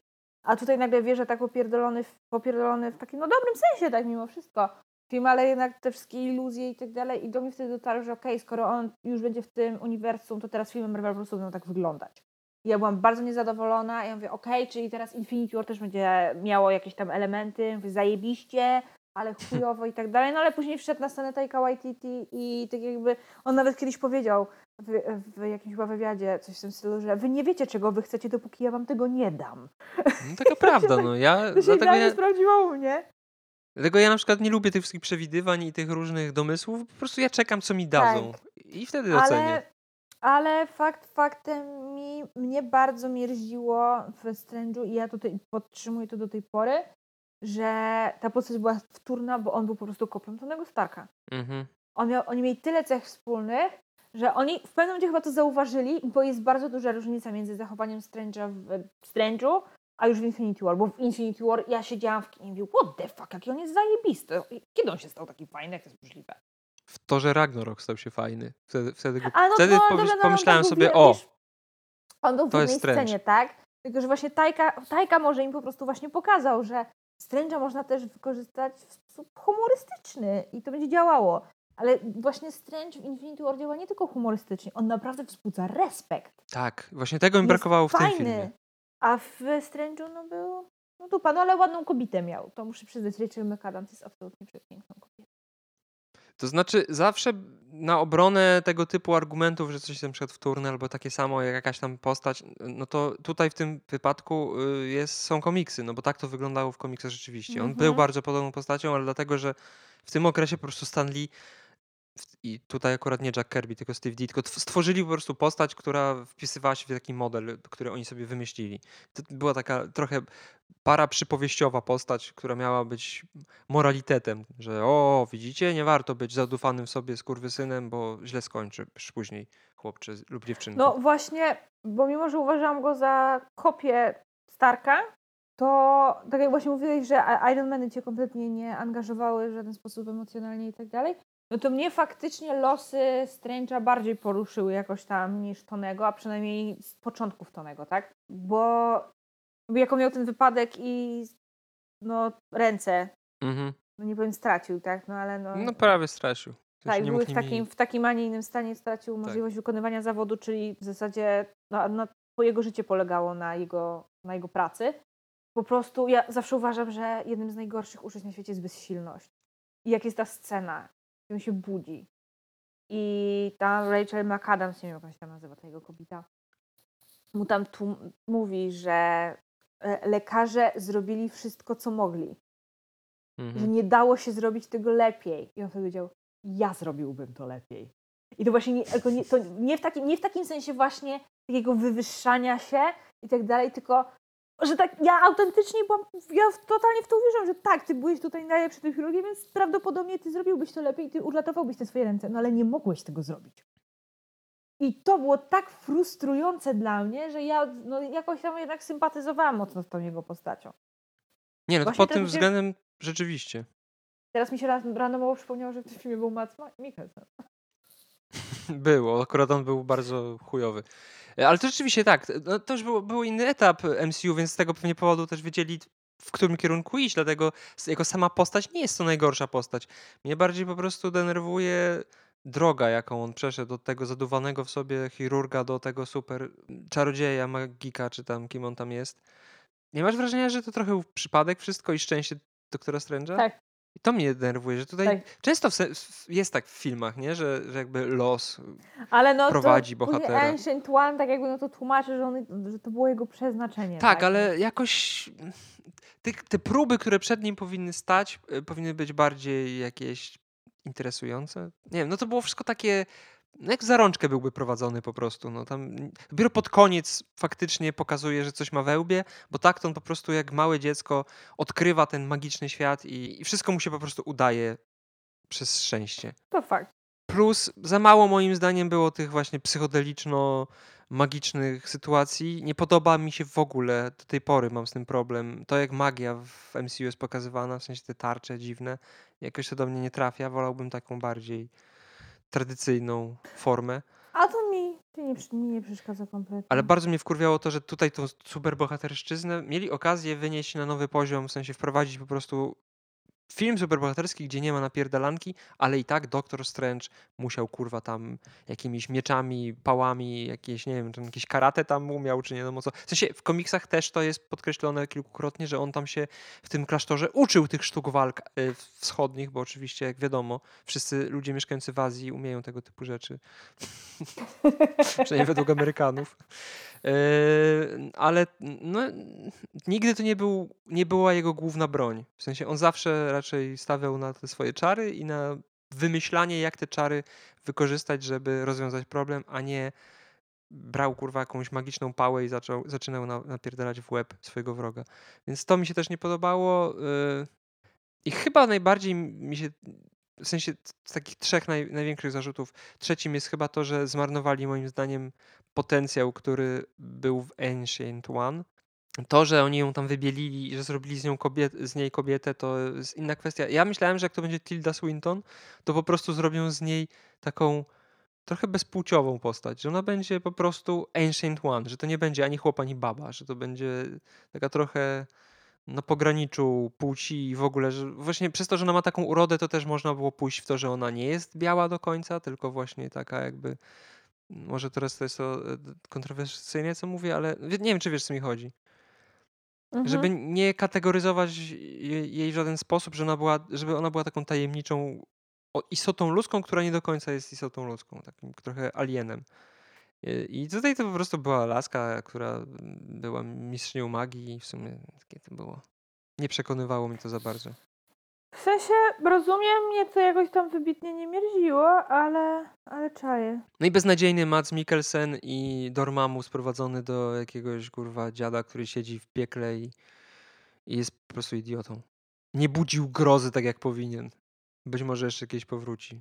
Znaczy, fakt faktem ja ostatnio właśnie do, dotarło do mnie, że żaden ze złoczyńców Marvela mnie nie przerażał. Fakt faktem Thanos wzbudzał niepokój, ale to bardziej była kwestia właśnie budowania filmu i tak dalej, a nie postaci samej w sobie. I to bardziej właśnie był taki niepokój i respekt niż strach, strach. Mhm. A kurwa boję się Nate'a Jacobsa w euforii, więc to naprawdę nie jest trudne. może przez to, że to jest bardziej realistyczne, to wiesz, to wtedy masz, Znaczy no tak, tak, tak, to on do- mi przypomina skrzyżowanie mojego byłego z Tedem Bundy. No to nie dziwię się, że się boisz. Trudno, żebyś powiedziała coś takiego o Thanosie albo o Dormammu. Przypomina mi skrzyżowanie mojego byłego z kolegą z klasy. Zwłaszcza z wyglądu. Tak, z- przede wszystkim. Dobra. To bo co, przechodzimy do, do najfajniejszych, najlepszych, najwspanialszych filmów MCU. Tak, Proszę bardzo, tak. trzeci od końca. No tutaj oh, ja miałam straszny problem, bo pierwsze dwa miejsca to ja tak jakby ja nawet nie musiałam się zastanawiać, to było od razu, to w ogóle zero, zero dyskusji, ale z trójką, o Jezu, jaki miałam problem. Bo są dwa filmy, nie potrafiłam wybrać. Jeden mam oceniony wyżej od drugiego. No. ale, ale nie miałam serca. I bo Jezu, nie wiem, nie wiem, e, czy no, no już jak mam wybrać, to wybiorę ten niżej mimo wszystko oceniony. E, wiem, że to jest bardzo pokrętna logika, raczej nie ma jej tu w ogóle. Ale mnie to cieszy, No, ale ogólnie bo chyba wiem o czym te mówisz. filmy tak samo, ale za zupełnie różne rzeczy. One są dwa zupełnie różne filmy. Dwa filmy, które tak jakby stoją czymś zupełnie innym. Yy, może to jest kwestia tego, że jeden z tych filmów jest bardzo młodym filmem, a dru do, do drugiego mam przegigantyczny sentyment. Oglądam ten, to jest jeden z filmów, który oglądam w życiu najwięcej razy i poza Infinity War i Endgame do żadnego filmu Marvela tak nie przeżywałam. Więc no, tym, który jednak odpadł jest No Way Home. Mhm. Głównie ze względu właśnie na to, że no to jest film wspaniały i tak dalej, no ale jadący przede wszystkim na nostalgii. No i przegrał z du du du du du du. Czy wiesz o czym mówię? To chyba nie, bo myślałem, że o czymś innym. A czy mogę strzelać? No, strzelaj. Ale pewnie nie trafię, bo teraz y, jakby z twojej wypowiedzi już zrozumiałem, że się mylę. End, nie jest to Endgame, prawda? W życiu nie dałabym Endgame jak jeden z moich ulubionych... Właśnie się zdziwiłem trochę, a z drugiej strony to, jak o tym mówiłaś, oczywiście mówiłaś o Spider-Manie, no nieważne. Nie, no film, który przeżywałam bardziej niż Infinity War Endgame. Znaczy, dobra, który poza Infinity War Endgame przeżywam najbardziej. No to jest ten film, co do którego my się tak strasznie nie zgadzamy. Yy, Civil War. Ach, no tak, zapomniałem o twojej miłości do Civil War. Tak, ten film, fakt faktem, ma dużo wad. E, najważniejszą wadą jest fakt, że plan Zimo nie miał prawa się udać, albo inaczej, okej, okay, on się udał i ja rozumiem dlaczego on się udał, ale tak jakby Zimo nie miał totalnie na niego wpływu. Ten plan opierał się na pierdyliardzie rzeczy, na których on totalnie, nad którymi on nie miał żadnego władztwa, nic, nic. Kompletnie. I to tak jakby ja rozumiem, że to jest film superbohaterski, tak w filmach superbohaterskich no jednak no tam na słowo honoru niech się te plany i motywacje trzymają. Zawsze się można przyczepić, że, skoro Thanos, tak, Thanosowi tak bardzo zależało na tym, żeby dobrze się żyło we wszechświecie, to dlaczego zabił połowę wszechświata zamiast po prostu podwoić zasoby? No trudno, tak było, musimy się z tym pogodzić, no ale jednak ten plan Zimo to leży nawet jak na film superbohaterski. Mm, mimo że no, Zimo jest przefantastyczną postacią, ale o tym zaraz. I wkurza, wkurza, zawsze mnie wkurzało w tym filmie, mimo że w jakiś tam sposób próbowałam to sobie tłumaczyć, redukowanie mocy Wandy do stopnia, który był wygodny dla scenarzystów. Ja rozumiem, że Wanda na przykład no, nie wykorzystywała już manipulacji umysłem, więc nie mogła na tym lotnisku w Niemczech po prostu zahipnotyzować drużyny Starka, żeby im zeszli z drogi. No bo od kiedy przeszła na jasną stronę mocy, no to tego nie robiła, no bo to niemoralne. No i że w tym filmie no mamy, jest tak duży nacisk na to, że ona się boi samej siebie, więc no nie chciała za bardzo atakować, zwłaszcza ludzi, których zna i które są gdzieś tam jej bliskie, więc Wanda głównie ograniczała się do dbania o to, żeby nikomu z jej drużyny się nic nie stało. Na przykład życie Bakiemu przecież, prawie go zabił Black Panther wtedy. E, no ale jednak wkurwiało mnie to. E, widać było, że ta Wanda była dla nich po prostu problematyczna, bo prawda jest taka, że gdyby Wanda używa swoich mocy, no to tutaj drużyna Irona nie miałaby w ogóle najmniejszych szans. No ale dobra, ponarzekałam, on jednak, to, to, to, jest, to były te powody, dla których ten film ma 8, a nie 9 na 10 ode mnie. No tak, Zimo jest moim zdaniem naj, no, po Thanosie, tak Thanos to jest Thanos. To po Thanosie jest najlepszym złoczyńcą Marvela jest fenomenalną postacią, jest świetnie zagraną postacią, ja w ogóle uwielbiam Daniela Brula. To jest Bucky, tak? Ja zawsze się śmiałam, że ten film nie powinien się nazywać Kapitan Ameryka Civil War, tylko Kapitan Ameryka Don't Touch My Bucky. E, zresztą, no, ten film wychodził w czasach, kiedy ja bardzo lubiłam, byłam wielką fanką Bakiego. Znaczy do tej pory jestem, tylko po prostu nie mam takiej obsesji na jego punkcie. Ja naprawdę jestem w szoku, że moi bliscy byli w stanie ze mną wytrzymać w 2016 i 2017 roku, bo to był dramat.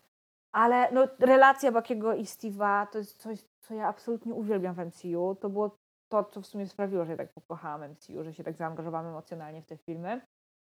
I za to nienawidzę Endgame. Za spierdolenie tego. Uwielbiam to, że ten film bardzo redefiniuje postać Steve'a Rogersa, który tak stracił w moich oczach. Ale tak strasznie go wcześniej uwielbiałam, był moją ulubioną postacią Marvela. Ze względu na to, że to była taka postać, do której ja miałam takie stuprocentowe zaufanie, że co by się nie działo, on zawsze postąpi właściwie. No, nagle to, to zaufanie zdeptał i wyjebał do śmieci, pokazując, że no jednak nie. Że nawet Steve Rogers nie zasługuje na kult kapitana Ameryki, Steve Rogers usilnie próbował nam wmówić, że jest tym, czym jest Jon Snow, bo Jon Snow to jest definicja słowa superbohater. I tak jakby nikt nie ma nawet do niego podjazdu. Uprawiasz seks z ciotką, później ją zabijasz? To jest bardziej skomplikowane, doskonale o tym wiesz. Wiele osób w Westeros zawdzięcza życie temu, że Jon zdobył się na zabiciu swojej ukochanej. A to, że uprawiał seks z ciotką, byli Targaryenami. Przepraszam, jeżeli ktoś tu nie oglądał Grotron, tak? Targaryenowie robili to na potęgę. Teraz jak wyjdzie prequel Gry o Tron, to wszyscy to się czepiali o kazirodztwo, będą mieć przerąbane. Bo tam będzie kazirodztwo... Ostatnio właśnie, czy ostatnio? Wczoraj rozmawiałem o grze o Tron z koleżanką i w sumie doszliśmy do wniosku, że tam chodzi tylko o seks z członkami rodziny, zabijanie postaci i był jeszcze jakiś trzeci element, o którym zapomniałem. Powiem ci tak, że tak zacytuję jednego z czytelników Antyradia, że panie Sergiuszu, specjalnie z mojej litery, bo pana nie szanuję. Przepraszam, ale określanie Grotron serialem, który jest o cyckach zabijaniu i smokach, pokazuje tylko i wyłącznie totalny brak inteligencji odbiorcy. I ignoranstwo, więc I'm so sorry. Na swoje usprawiedliwienie powiem, że nigdy nie byłem w to wkręcony i po sześciu sezonach odpuściłem, bo nie... Nie, skończmy nie... ten temat, skończmy ten temat, dobrze, bo dobrze. zakończę znajomość z tobą i tyle będzie z naszego podcastu. Wyjebiecie ze znajomych nawet na Facebooku.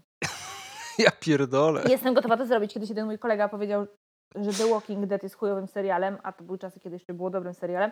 I przy nim, siedząc przy nim, razem z nim w pizzerii, usunęłam go znajomych na Facebooku. Dobrze nie z życia. z życia próbowałam, ale nie dał się tak łatwo. Był jak wrzut na dupie, no ale dobra, w końcu się go pozbyłam. Wracając. To był ten kolega, co się na, wiecznie na mnie wydzierał, że hejtuje filmy DC tylko dlatego, że jestem psychowanką Marvela. E, no, ale wracając do tematu, e, o czym tutaj mówiłam? A, bo oczywiście musiałam zrobić dygresję o... Jon Snow. tak, o Janku Śniegu, którego kocham nad życie, jest wspaniały. E, no, i jebać Steve'a Rogersa, tak? Jesteśmy na tym, tak. Znaczy, ja...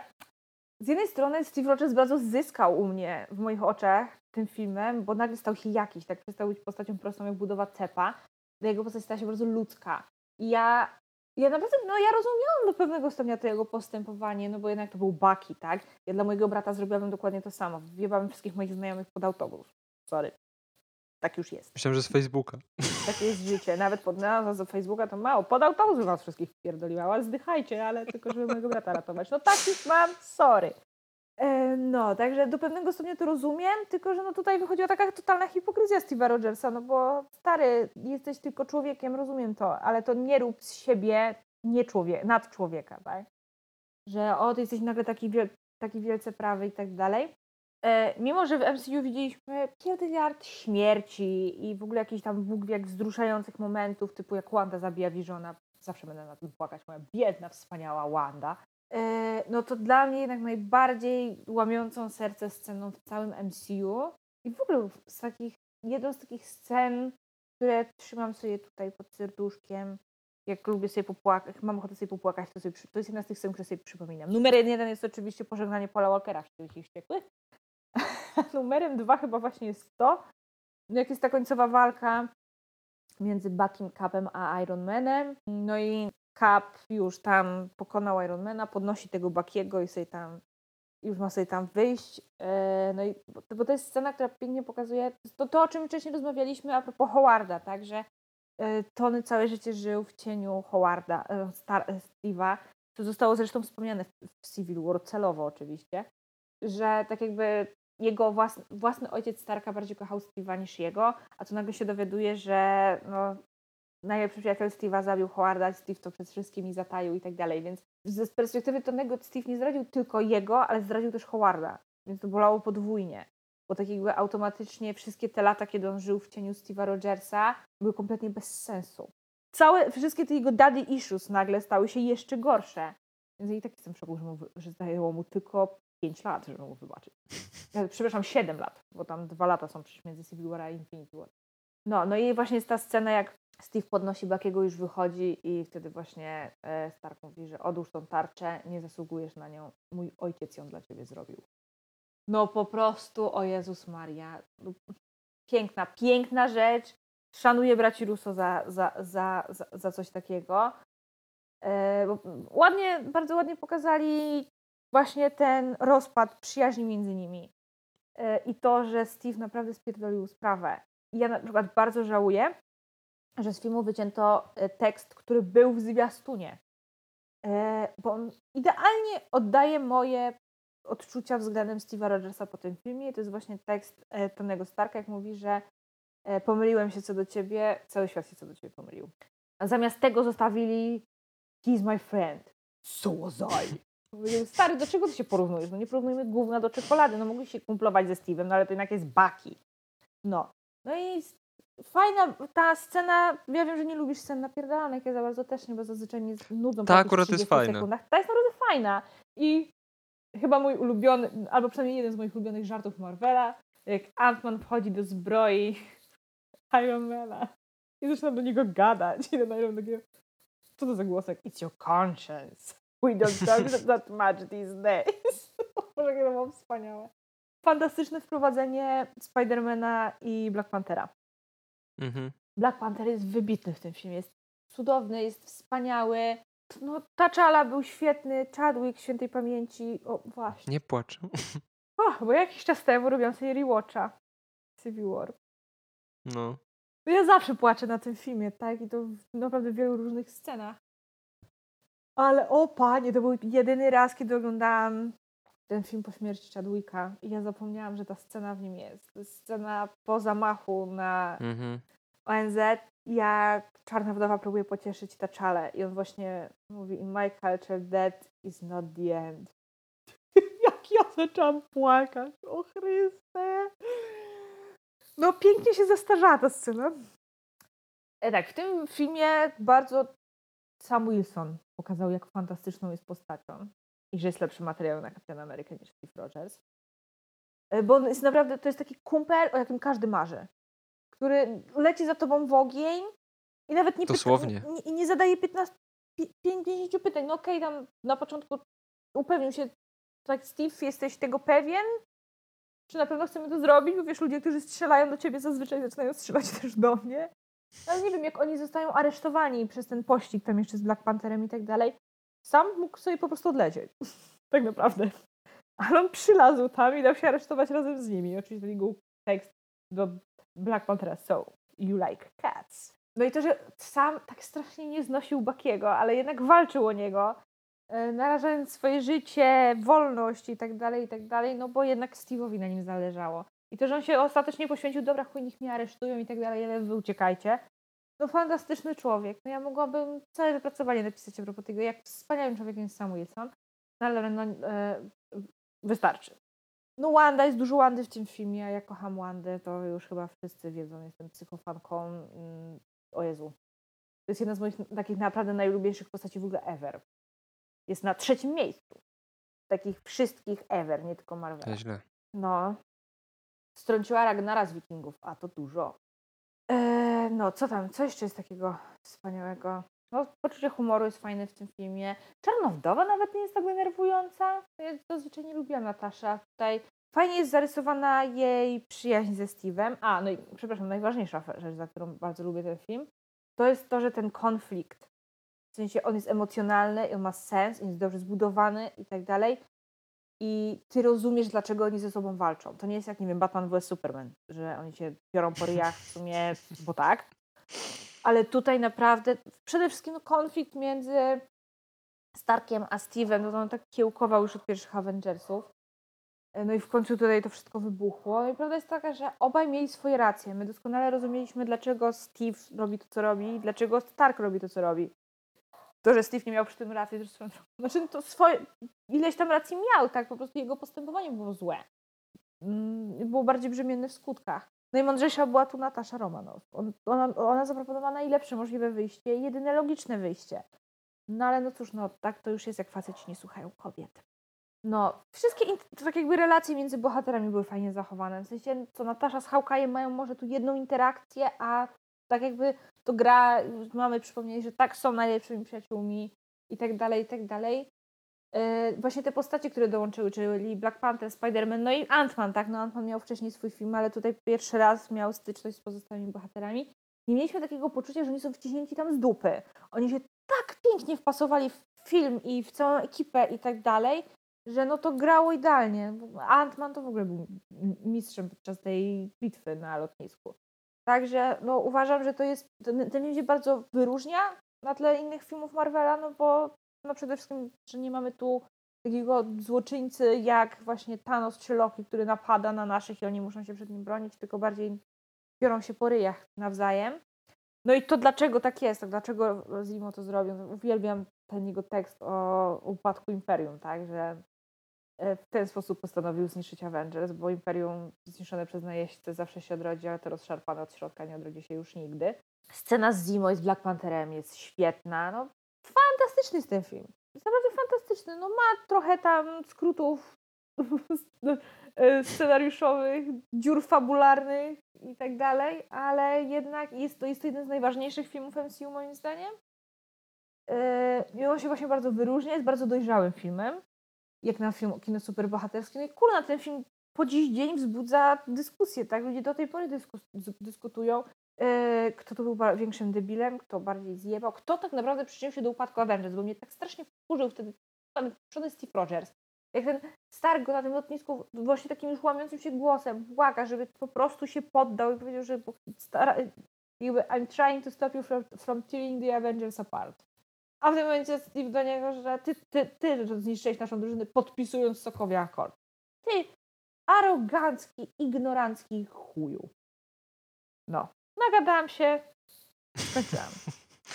To ja tylko tak na szybko powiem, że dla mnie ten film jest, znaczy okej okay jest, doceniam, ale tak mniej więcej w połowie listy najlepszych, w sensie wszystkich filmów Marvela. I nie do końca mnie przekonuje ten konflikt. Żałuję, że nie widzicie mojej miny w tym momencie. Nie bardzo rozumiem dlaczego ci. Może, że nie pamiętam. Być może nie pamiętam, bo ja go dawno oglądałem i chyba tylko dwa razy. Dlaczego niektórzy z nich się dołączyli do jednej czy drugiej strony, nie bardzo to rozumiem. W sensie. E, Black Panther Czemu nie było nikogo, kto na przykład tego, to olał i powiedział, dobra, kurwa, róbcie sobie co chcecie, to w dupie. Bijcie się jak e, chcecie.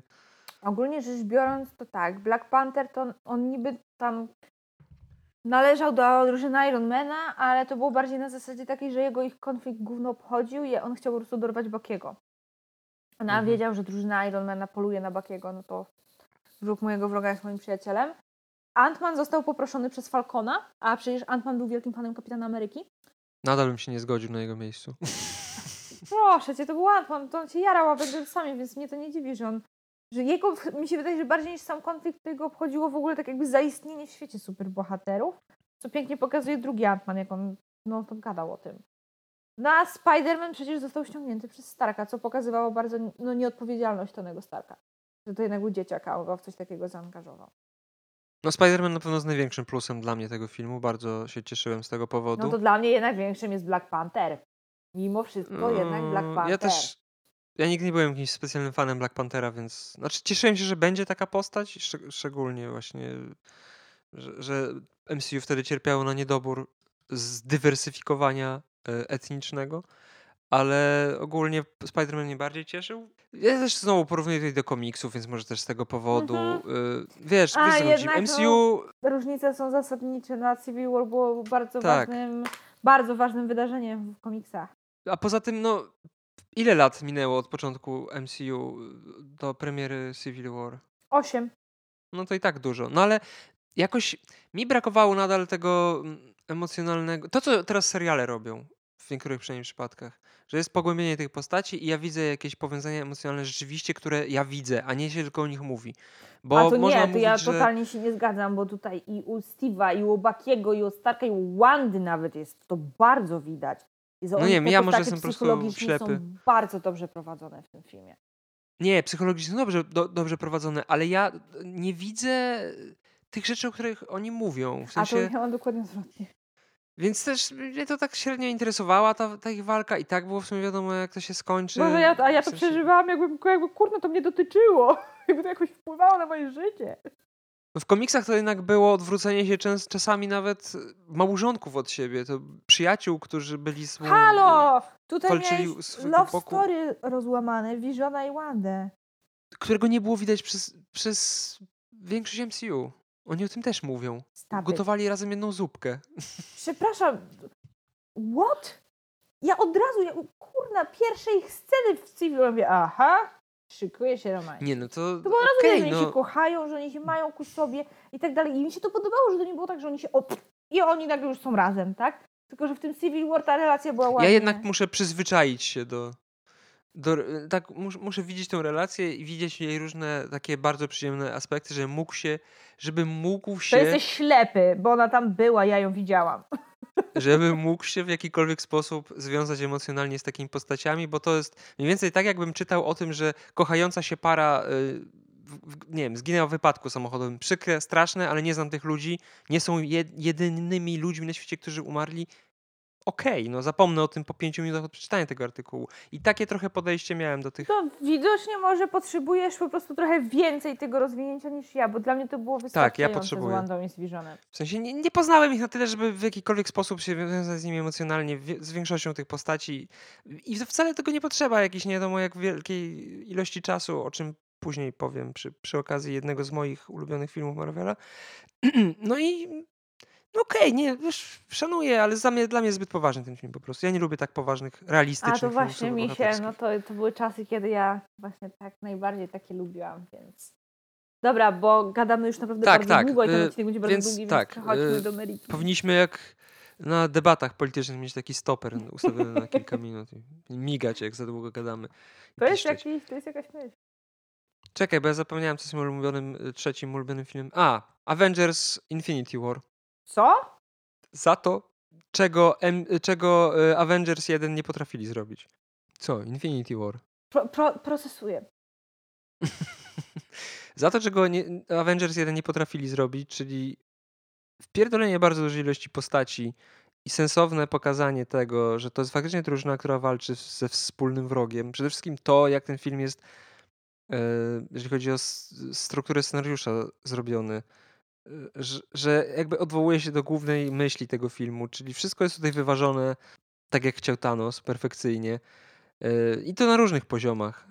Pokazania wątków, jest pizdę wątków, a wszystkie są. Nic, się, nic nie jest zbędne, nie plącze ci się to. Yy, wszystko ma sens i dąży do kulminacji w fajny sposób. Jest i smutno, i jest żarcik, jest przede wszystkim zakończenie, które szokuje nawet osobę, która wiedziała, jak ten film się może skończyć. No, ja jestem przecież taką osobą. Ostatnio o tym rozmawialiśmy, jak pisałam artykuł tak. o najlepszych plot twistach. Jeden z nielicznych filmów Marvela, który się kończy, oprócz Hulka, który się kończy w sumie negatywnie. W sensie, no, nie jest to pozytywne zakończenie. Civil War. Mm. Civil War się kończy no... negatywnie. Halo, drużyna się rozpadła, Zimo w pewnym sensie wygrał w sumie rozpadło się, ale właśnie ja jakoś nie wiem, nie czuję tych konsekwencji tego Civil War w ogóle. Bo miałeś po prostu dwa lata przeskoku, co ty chciałeś, kurna? Poza tym, a halo, były jakieś tam konsekwencje, że nie wypuścili specjalne komiksy. Przepraszam, musiałam stać, bo muszę zapalić Wkurwiłam się. Wkurwiłam się, muszę zapalić Aikosa, przepraszam. No i co tu dużo mówić, no Thanos, w ogóle pierwszy film, w którym główny bohater y, jest tak naprawdę bohaterem negatywnym i to tak zajebistym bohaterem negatywnym, jakim jest Thanos. Wiesz, że nigdy nie patrzyłam na to, na ten film właśnie w, w sensie takim, że Thanos jest jego głównym bohaterem? No procentowo patrząc na wątki w tym filmie, no to No wszystko Thanos... dotyczy Thanosa, tak? Czaję. Wszystko dotyczy Thanosa, jego jest najwięcej. W sensie jego wątek jako jednej postaci jest najdłuższy w porównaniu z innymi wątkami. Znaczy ja to rozumiem, tylko po prostu to, to ma sens. Ja teraz jak o tym myślałam, to ja się jak najbardziej zgadzam, tylko ja po prostu nigdy się nie zastanawiałam nad tym, kto jest głównym bohaterem Infinity War. Bo ja Infinity War no, nie traktuję jak taki normalny film, o czym już wielokrotnie mówiłam.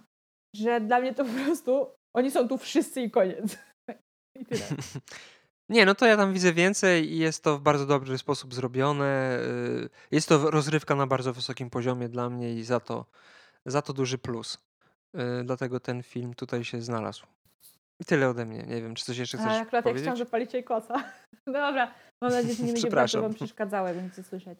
Yy, pokuszę się. Czy, czy mogę sobie pozwolić na nieskomentowanie tego? Możesz. Dobra. Dowiecie się później czemu. Znaczy, kurwa, nie trudno się domyślić czemu.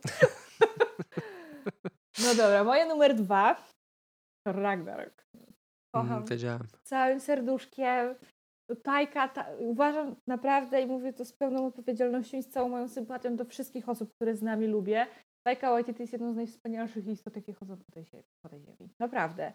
Ten film sprawia, że bardzo trudno jest ocenić właśnie Tora jako trylogię, bo to jest jeden z najlepszych filmów superbohaterskich w dziejach. To jest jeden z najlepszych filmów w ogóle rozrywkowych w dziejach.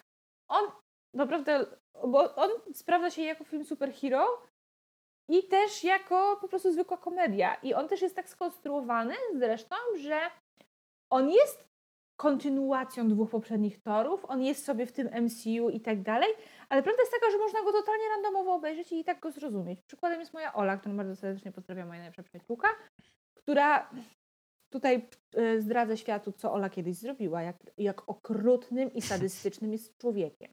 Aż się boję. Bo swojego czasu właśnie jak leciał finałowy sezon Gry o Tron, to Ola zawsze przyjeżdżała do mnie w niedzielę i oglądałyśmy w nocy z niedzieli na poniedziałek Gry o Tron.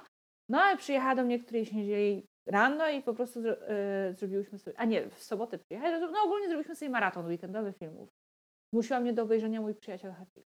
Wiedząc, jak ja bardzo przeżywam filmy i seriale, jak ja bardzo na nich płaczę. Nie wiem, czy oglądałeś mój przyjaciel Hachiko. Nie, nie chcę tego Ale oglądać. to jest, wiesz, że to jest filmik o piesku, a wiesz, jak ja reaguję na Wiem, film że o z piesku tego nie chcę oglądać, bo to jest smutny film. No i wiesz, jak ja reaguję na film o pieskach. Wiem, bo opowiadałaś fabułę filmu, który nie powstał. Przeczytałaś po prostu historię pieska to Togo się nazywa? Tak, powstał ten film, przecież Disney Plus go chyba A już zrobił. powstał, tak? Tak, Okej, nie dobra. obejrzałam go. Ale nie wtedy, obejrzałam. kiedy o tym mówiłaś, to dopiero była zapowiedź. Tak. I opowiadając historię psa, który żył 150 lat, lat temu, y, rozpłakałaś się. Ja zawsze jak komuś opowiadam w, w skrócie dosłownie, tak trzema zdaniami fabułę Hachiko, to zaczynam płakać. No. Dobra, ale wracajmy do tak, tego. no do i ja po prostu, no nie dość, że mnie zmusiła do obejrzenia tego, to jeszcze zaczęła się na mnie wydzierać w pewnym momencie, czy możesz płakać ciszej, bo nie słyszę filmu. No i ja po obejrzeniu tego, ja byłam wrakiem człowieka emocjonalnym i stwierdziłam, że żeby stanąć na nogi, potrzebuję czegoś dobrego, fajnego i zabawnego, no i wjechał Thor Ragnarok. No i Ola obejrzała go wtedy ze mną i bardzo jej się spodobał, mimo że właśnie tak z dupy. Ona nigdy wcześniej nie widziała ani jednego filmu Marvela. nie ogarniała o co chodzi, ale to się nie ogarniała o co chodzi w MCU, a ten film jak najbardziej, no tam jakieś były wspominki, tak, o co tam złego w życiu robił Loki. No to tego za bardzo nie ogarniała, ale w sumie to głównie ją to obchodziło, więc to nie, nie wpływało w ogóle na odbiór całości. Jeff Goldblum jest wspaniały w tym filmie. To sam Jeff mógłby być chodzącą reklamą tego filmu. Loki to jest najlepszy Loki ze wszystkich filmów z Lokim. On przechodzi tutaj tak du- dużą przemianę i to tak bardzo realistyczną i autentyczną tą przemianę, a jest go w filmie naprawdę mało. A jeszcze ta przemiana jest taka niewymuszona. Mhm. To jest piękno właśnie Tajki. Tylko Heimdall się jak ssał zawsze, no ale no to już... No, po prostu sobie jest. To, No. po prostu, to nie jest na ja go nie uważam za wadę tego filmu, tak? Bo to już był taki etap, że no okej był. No i w zasadzie O jedynym... wiele gorsza moim zdaniem jest Hela. Tak, właśnie jedynym minusem je, e, tego filmu moim zdaniem jest Hela, inaczej Thor Ragnarok byłby filmem idealnym. E, Walkiria, to zawsze się śmieję, że gdybym była super bohaterką, to zachowywałabym się tak jak Walkiria, jak jest ta scena, jak ona się pierwszy raz pojawia i jest pijana i się przewraca. Tak, To ja jako super bohaterka. Nie bez powodu dzisiaj win, wińsko pijesz, a teraz papierochy palisz. No, e, no, scena na arenie z Hulkiem i z Thorem była zajebista. W ogóle właśnie najważniejsza rzecz tak naprawdę. Tajka sprawił, dokonał niemożliwego, bo sprawił, że Chris Hemsworth i Mark Ruffalo zaczęli się nagle świetnie czuć w swoich rolach i to jest tak widać. I oni od tamtej pory tak super grają te role. Tak Mhm. jakby zauważył bardzo duży potencjał komediowy zarówno aktorów, jak i też tych postaci po prostu. E, bardzo szanuję pieska Heli. I fakt faktem, jak Hulk walczył z pieskiem, to kibicowałam pieskowi. Sorry. Był piękny. Nie, Jak fajny on, miał, jak, on miał imię, nie? Fenris. Tak, właśnie. On był synem Lokiego w mitologii i bratem Heli. Mhm. Wydaje mi się, że w komiksach też coś takiego było, ale nie wiem. Y, Jest jedna fajna scena z Helą, jak Hela tam stoi w tym Asgardzie i tam wszystkim gada, jak to nas pierworodną i tak dalej, i tak dalej. Tak wygłasza tam taki monolog podniosły i tak dalej, i tak dalej. I tutaj właśnie Tajka ładnie to przełamuje żartem, jak jest jeden właśnie z tych ziomków Tora. Tak zobaczę tak Whoever you are, surrender now or we show you no mercy. I na sensie tak Whoever I am, tak, czy nie słyszałeś słowa z tego, co przed chwilą powiedziała? E, co, tam, co tam jeszcze? Mm, Doktor Strange, który w końcu jest tak, fajny. Doktor Strange to jest fajny. No w ogóle, i to, i, mogłabym wymieniać żartów pierdyliard, które były tu fantastyczne i przezabawne. No żarty chyba przede wszystkim, nie? Tak, były tak trafione. To jest chyba tak najśmieszniejszy zabawne. film Marvela. Tak, zdecydowanie. No ewentualnie jeszcze pierwsi strażnicy mogą z nim konkurować na tym polu. Mm, to prawda. No oczywiście kocham za zabicie Odyna. I to tak szybkie, że było go tak mało. No i wzruszyła mnie scena I love you my sons e, ze względu na reakcję Lokiego w tym momencie. E, bardzo mi się podoba to, że Tajka, dosłownie, no, ja sobie, ja przynajmniej patrząc na ten film, wyobrażam sobie mniej więcej jego rozmowę o pracę. E, że chce być właśnie na stanowisko reżysera e, trzeciego Tora, to było na zasadzie wszedł, puścił Immigrant Song, to podobno jest, to podobno jest autentyk, że on od razu mi powiedział, że chce wykorzystać tę piosenkę. Mm, No i powiedział tak, ludzie nie lubią Asgardu, ludzie nie lubią Odyna i ludzie, trochę średnio im leży ten klimat fantazy, więc wszystko wypierdalamy, Asgard puszczamy z dymem i tak dalej. On się pozbył właśnie wszystkiego tego, co nie leżało w tych poprzednich częściach, ale wciąż nie masz tutaj czegoś takiego, jak na przykład było w przypadku e, Star Warsów od Disneya, gdzie każdy kolejny reżyser tak jakby przepraszał za to, co zrobił poprzedni, Mhm. bo to jest kompletny brak szacunku do innych filmowców. A Tajka jednak miał ten szacunek do dwóch poprzednich reżyserów, za co należą mu, się, należą mu się wielkie brawa. No i pozbył się ich w sensowny sposób też, to też jest ważne. Dokładnie. A poza tym wykorzystał ten swój stały trik, czyli łączenie śmiesznej, lekkiej komedyjki z poważnymi tematami. I nie Tak, tylko chodzi mi o to, że poważnymi pod względem... dramatycznych rzeczach. Tak, tak. Tak, że to jest takie wielowymiarowe i to też jest fajne. No i przepraszam, ale scena, jak ja ogólnie nie, nie jestem fanką jakiegoś slow motion i jakichś takich bardzo podniosłych wejść, no to jednak właśnie to takie pierdolnięcie Tora na ten Bifrost, które było w slow motion Mhm.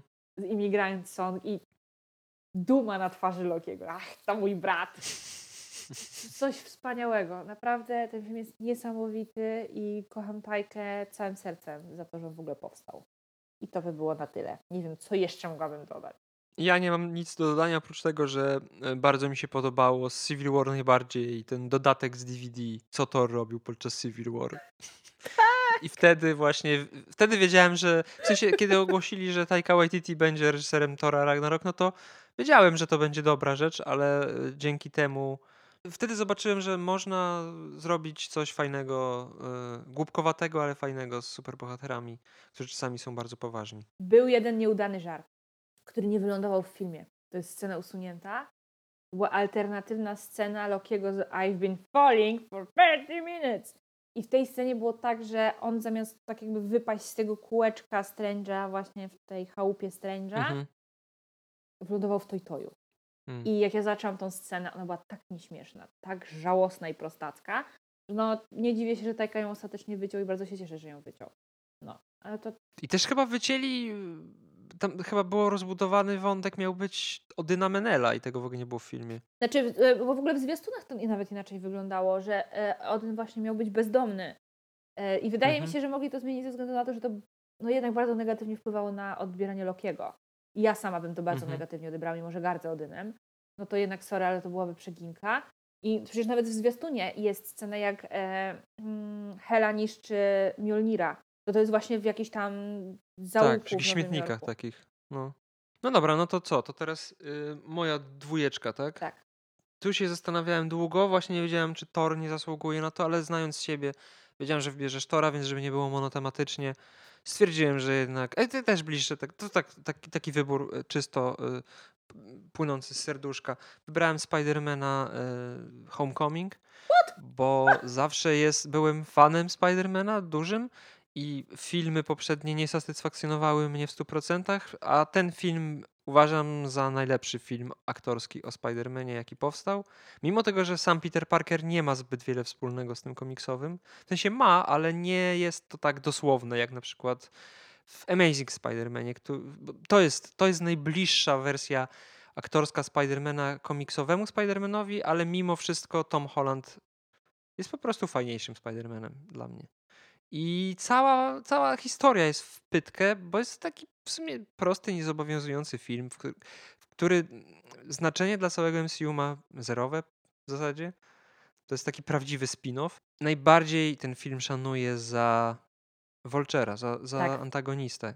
To jest najlepszy po Thanosie chyba. Chociaż nie wiem, czy Nie no, w sumie dla mnie to jest Zimo. on jednak jest najlepszy. Zimo okej, tylko że tam się pojawia ten wątek właśnie o zemsta, bo mi zabiliście rodzinę, ja tu teraz nie, prze- myślę plan. serial później to bardzo dosadnie wyjaśnił, że tak jakby Zimo, o, owszem, no miał żal o rodzinę, kto by nie miał, ale u niego, No tak, u niego ta ale walka przeciwko superbohaterom zaczęła się dużo wcześniej i że on sam nawet powiedział, że Tak, to nawet wiem. nie do końca było personalne. On po prostu uważa, że superbohaterowie nie mają prawa istnieć, stwarzają ale czy to było, więcej było w problemów. samym filmie? Bo wydaje mi No się, nie, że no to już jest serial, tak? No to No właśnie, to Tylko, jest że no jakby tak- rozwinięcie te, tego podejścia, takiego typowo zło, złoczyńcy, te, takiego sp- złoczyńcy z przypadku trochę, który mści się, tak jak to w Iron Manach wcześniej było, tylko Zimo jest lepiej po prostu prowadzoną postacią od, od początku, a, a w, u Vulture'a tego w ogóle nie ma, to jest jakiś kurwa randomowy koleś, który po prostu jest zwykłym mieszkańcem Nowego Jorku, któremu katastrofa rozpierdala y, trochę życie, tak, z tego co pamiętam?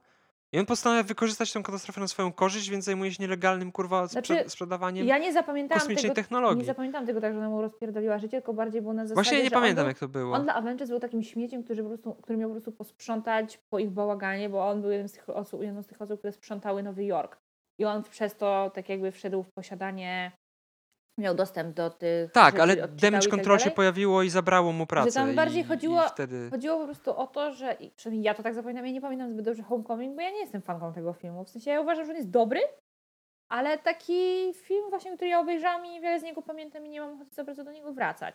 To taki przyjemny film właśnie do obejrzenia sobie i pójścia dalej. Mm, Ja, więc ja to zapamiętałam bardziej właśnie na zasadzie takiej, że to był koleś, który ledwo wiązał koniec z końcem i on chciał zapewnić możliwie jak najlepszy byt swojej rodzinie, nawet jeżeli miał Tak. to robić nie do końca legalnie. No ale był tam wątek, że właśnie pojawiła się ta agencja jakaś rządowa, która zaczęła zbierać te śmieci i go wy- wygryźli z, z, z rynku.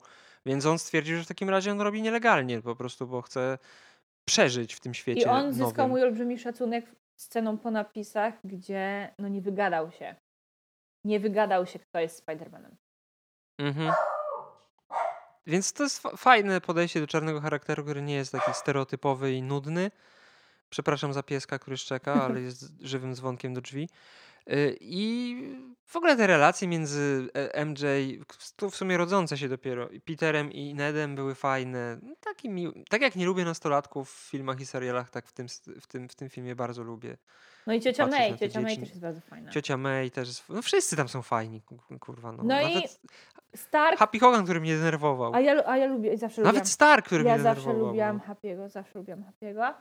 Ale Stark, który się pojawia w tym filmie i nie, ma, nie było takiego poczucia, że oni go wsadzili na siłę, żeby no, Mhm. przyciągnąć ludzi i tak dalej. Że no to Jak miało... były obawy, czy to będzie Iron Man 4 i Tak. Spider-Man. No tak nie, on ma ten film 6 tak się powinien minut nazywać. czasu ekranowego, bo pamiętam, że ktoś policzył, ile on za, te 6, za tych 6 minut dostał tam milionów. Jest fantastyczna scena przecież ze Starkiem i z e, Peterem, jak właśnie Stark zabiera mu strój, tak? I Peter mówi, że Mhm. no ja bez tego stroju jestem nikim. No jeżeli jesteś nikim bez tego stroju, to na niego nie zasługujesz. Co było trochę z dupy, Nie, moim zdaniem to bardzo bo to nie jest pasowało. prawda. Znaczy, fajnie pasowało, ale moim zdaniem Spider-Man i tak góruje fizycznie nad Iron Manem, bo ma te moce, nie? Więc tak naprawdę Spider-Man nie powinien płakać z braku stroju, bo Ale pamiętaj, że on był dzieckiem, on był dzieciakiem. Ja wiem, wiem, wiem, że tutaj miało to sens, ale że tak, był miał- fanem Ironmana przy okazji. I to też miało. Więc ja to też- rozumiem. to była też taka trochę polemika właśnie z e, widzami, bo dużo osób właśnie trochę hejtowało Spidermana Toma Hollanda, że on nie był takim właśnie samym sobie Spidermanem, tylko on bardzo jechał na tym Starku, tak? Że on nie zrobił No. sam stroju, tylko dostał go od Starka i tak dalej, i tak dalej. Więc mi się wydaje, że to też celowo po to było wstawione i było bardzo dobrze ograne. No i też to, że nie jest to takie łopatologiczne podejście do pierwowzoru, prawdopodobnie z tego powodu, że były poprzednie dwie serie filmowe, na pewno. że masz tu tę opowieść o, o... Po pierwsze, nie ma origin co, co mnie bardzo cieszy. Nie, nie ma tej całej genezy, która zazwyczaj zajmuje pół filmu. To było tak zajebiste, tak mi się to podobało. A druga sprawa, że masz ten wątek odpowiedzialności, który zawsze towarzyszy Spider-Manowi. A to i u mnie tutaj ten, został przetworzony. dla mnie ten wątek odpowiedzialności jak najlepiej brzmiewa w No Way Home. Mm, Znaczy, no to jest chyba motyw przewodni całej serii, ale to tutaj to zostało to wykorzystane w taki sposób dość interesujący, że nie jest to po prostu kolejna historyjka o tym, że przez głupotę Spidermana ginie jego wujek, tylko jest to ograne inaczej i to jest też fajne, że po prostu tu jest dialog z tymi komiksowymi rzeczami, które niby są konstytutywne dla Spidermana, tak naprawdę można zrobić Spidermana, e, który nie opiera się na tych wyświechtanych historyjkach i też jest to nadal Spider-Man, nawet moim Ale zdaniem najlepszy. Właśnie, jak właśnie wspomniałeś o tym, że to nie jest, to nie, e, że ten motyw z odpowiedzialnością nie wybrzmiewa z tego, że przez głupotę Spidermana ginie ktoś mu bliski, to w No Way Home to też zostało fajnie i inaczej ograne. Bo jednak Tak. ciotka May nie zginęła z jego głupoty, tak jak było Tak. w przypadku poprzednich Spider-Manów, tylko właśnie z dobroci jego serca, tak? Że no dla Mhm. mnie jednak moją ulubioną sceną w No Way Home jest ten moment, jak Peter się zwraca do tych złoczyńców przez telewizję i mówi, że ja wam chciałem tylko pomóc. No Mhm. piękna rzecz, piękna i znowu mi się płakać zachciało. Który to już raz? Trzeci? Czwarty? Piąty? No więc głównie za tego Volchera, który jest najlepszym złoczyńcą, e, najba- z najlepszą motywacją, najbardziej realistyczną, typem, który po prostu chciał sobie nielegalnie dorobić po to, żeby utrzymać rodzinę. Wtrąca się w to jakiś gnój, który potem się okazuje typem, który ch- chce być chłopakiem jego córki. Nawet finałowa walka w tym wypadku była uzasadniona i nie była, nie służyła tylko efektom specjalnym i napierdalance, więc wszystko mi się tam podobało. Nie jest to oczywiście film 10 na 10, bo ja jestem dość surowy, jeśli chodzi o tego typu oceny, y, ale no myślę, że to zasłużone drugie miejsce na mojej osobistej liście najlepszych filmów. No i teraz y, zwycięzca u ciebie. Infinity War. to zawsze już chyba będzie Infinity War. Jeżeli miałabym wybrać jedną produkcję w życiu, którą mogłabym zapomnieć tylko po to, żeby obejrzeć ją po raz kolejny, jeszcze ten pier- tak jakby pierwszy raz, to byłby to właśnie Infinity War. Ten film jest wspaniały, to jak on się pięknie wpisuje w tą zas- świętą zasadę Hitchcocka, tak, że film ma się zacząć od trzęsienia ziemi, a później napięcie ma nieprzerwanie rosnąć. To, że on tak pięknie łamie schematy e, kina, nie tylko superhero, ale też w ogóle rozrywkowego. To, że ja, ja to zawsze powtarzam, jak ktoś mnie pyta, w jakiej kolejności oglądać filmy Marvela, i mówię, że nie w takiej kolejności, jak wychodziły. I zwłaszcza tutaj jest istot, istotne umiejscowienie Infinity War, bo ja nigdy nie zrozumiem, dlaczego oni między Ragnarok a Infinity War pieprzyli Black Panthera, bo po prostu przejście z Ragnaroku Mhm. w Infinity War to jest coś niesamowitego. Ja to zawsze mówię, że po prostu końców, przejście z końcówki Ragnaroku do początku Infinity War jest po prostu jak wjazd z buta w twarz. Tu mamy, wiesz, super, uratowali tych ludzi ze skartu, fantastycznie i tak dalej, i tak dalej i nagle... Tak, to też było fajne. Ja pamiętam do tej pory, jak ja miałam ciary w kinie, jak my siedzieliśmy w kinie i dopiero w ogóle się czołówka pojawiała i już słyszeliśmy to wołanie o pomoc, że Mhm. zostaliśmy zaatakowani i tak dalej, i tak dalej. To wprowadzenie strażników w tak świetnym momencie i połączenie ich z Torem i interakcje ich z Torem były, no, no, było świetne. Fakt faktem, ja, moim, moim jedynym chyba zarzutem wobec tego filmu jest to, że paradoksalnie było w nim może nie tyle za dużo humoru, co on nie zawsze pojawiał się w odpowiednich momentach, bo chwilami było tak, że mm, pojawiał się zbyt szybko, że mieliśmy jakąś dramatyczną scenę, którą ja bym chciała jednak przetrawić, a tu nagle mi rzucają Mhm. już żartem, tak? Umarł kurwa Loki, a za chwilę mi pokazują śmieszkującego doktora Strange'a. Tak, No, no nie. No nie, Ja chyba nie jestem aż tak związany No, emocjonalnie z tymi Właśnie no postaciami, ja bardzo żeby... przeżywam emocjonalnie, nawet w Endgame też mi to przeszkadzało. W Endgame były już momenty, kiedy wszyscy już, cała sala się śmieje z żartów, a ja dalej płaczę za czarną wdową. To chyba jesteś jedną z nielicznych osób. Ja mnie bardzo wzruszała śmierć, bardzo, mimo że ja nie jestem szczególną fanką Nataszy i nigdy się z tym nie kryłam, to jej śmierć mi się bardzo podobała i boli mnie to, że jest bardzo tak jakby przyćmiona przez śmierć Starka.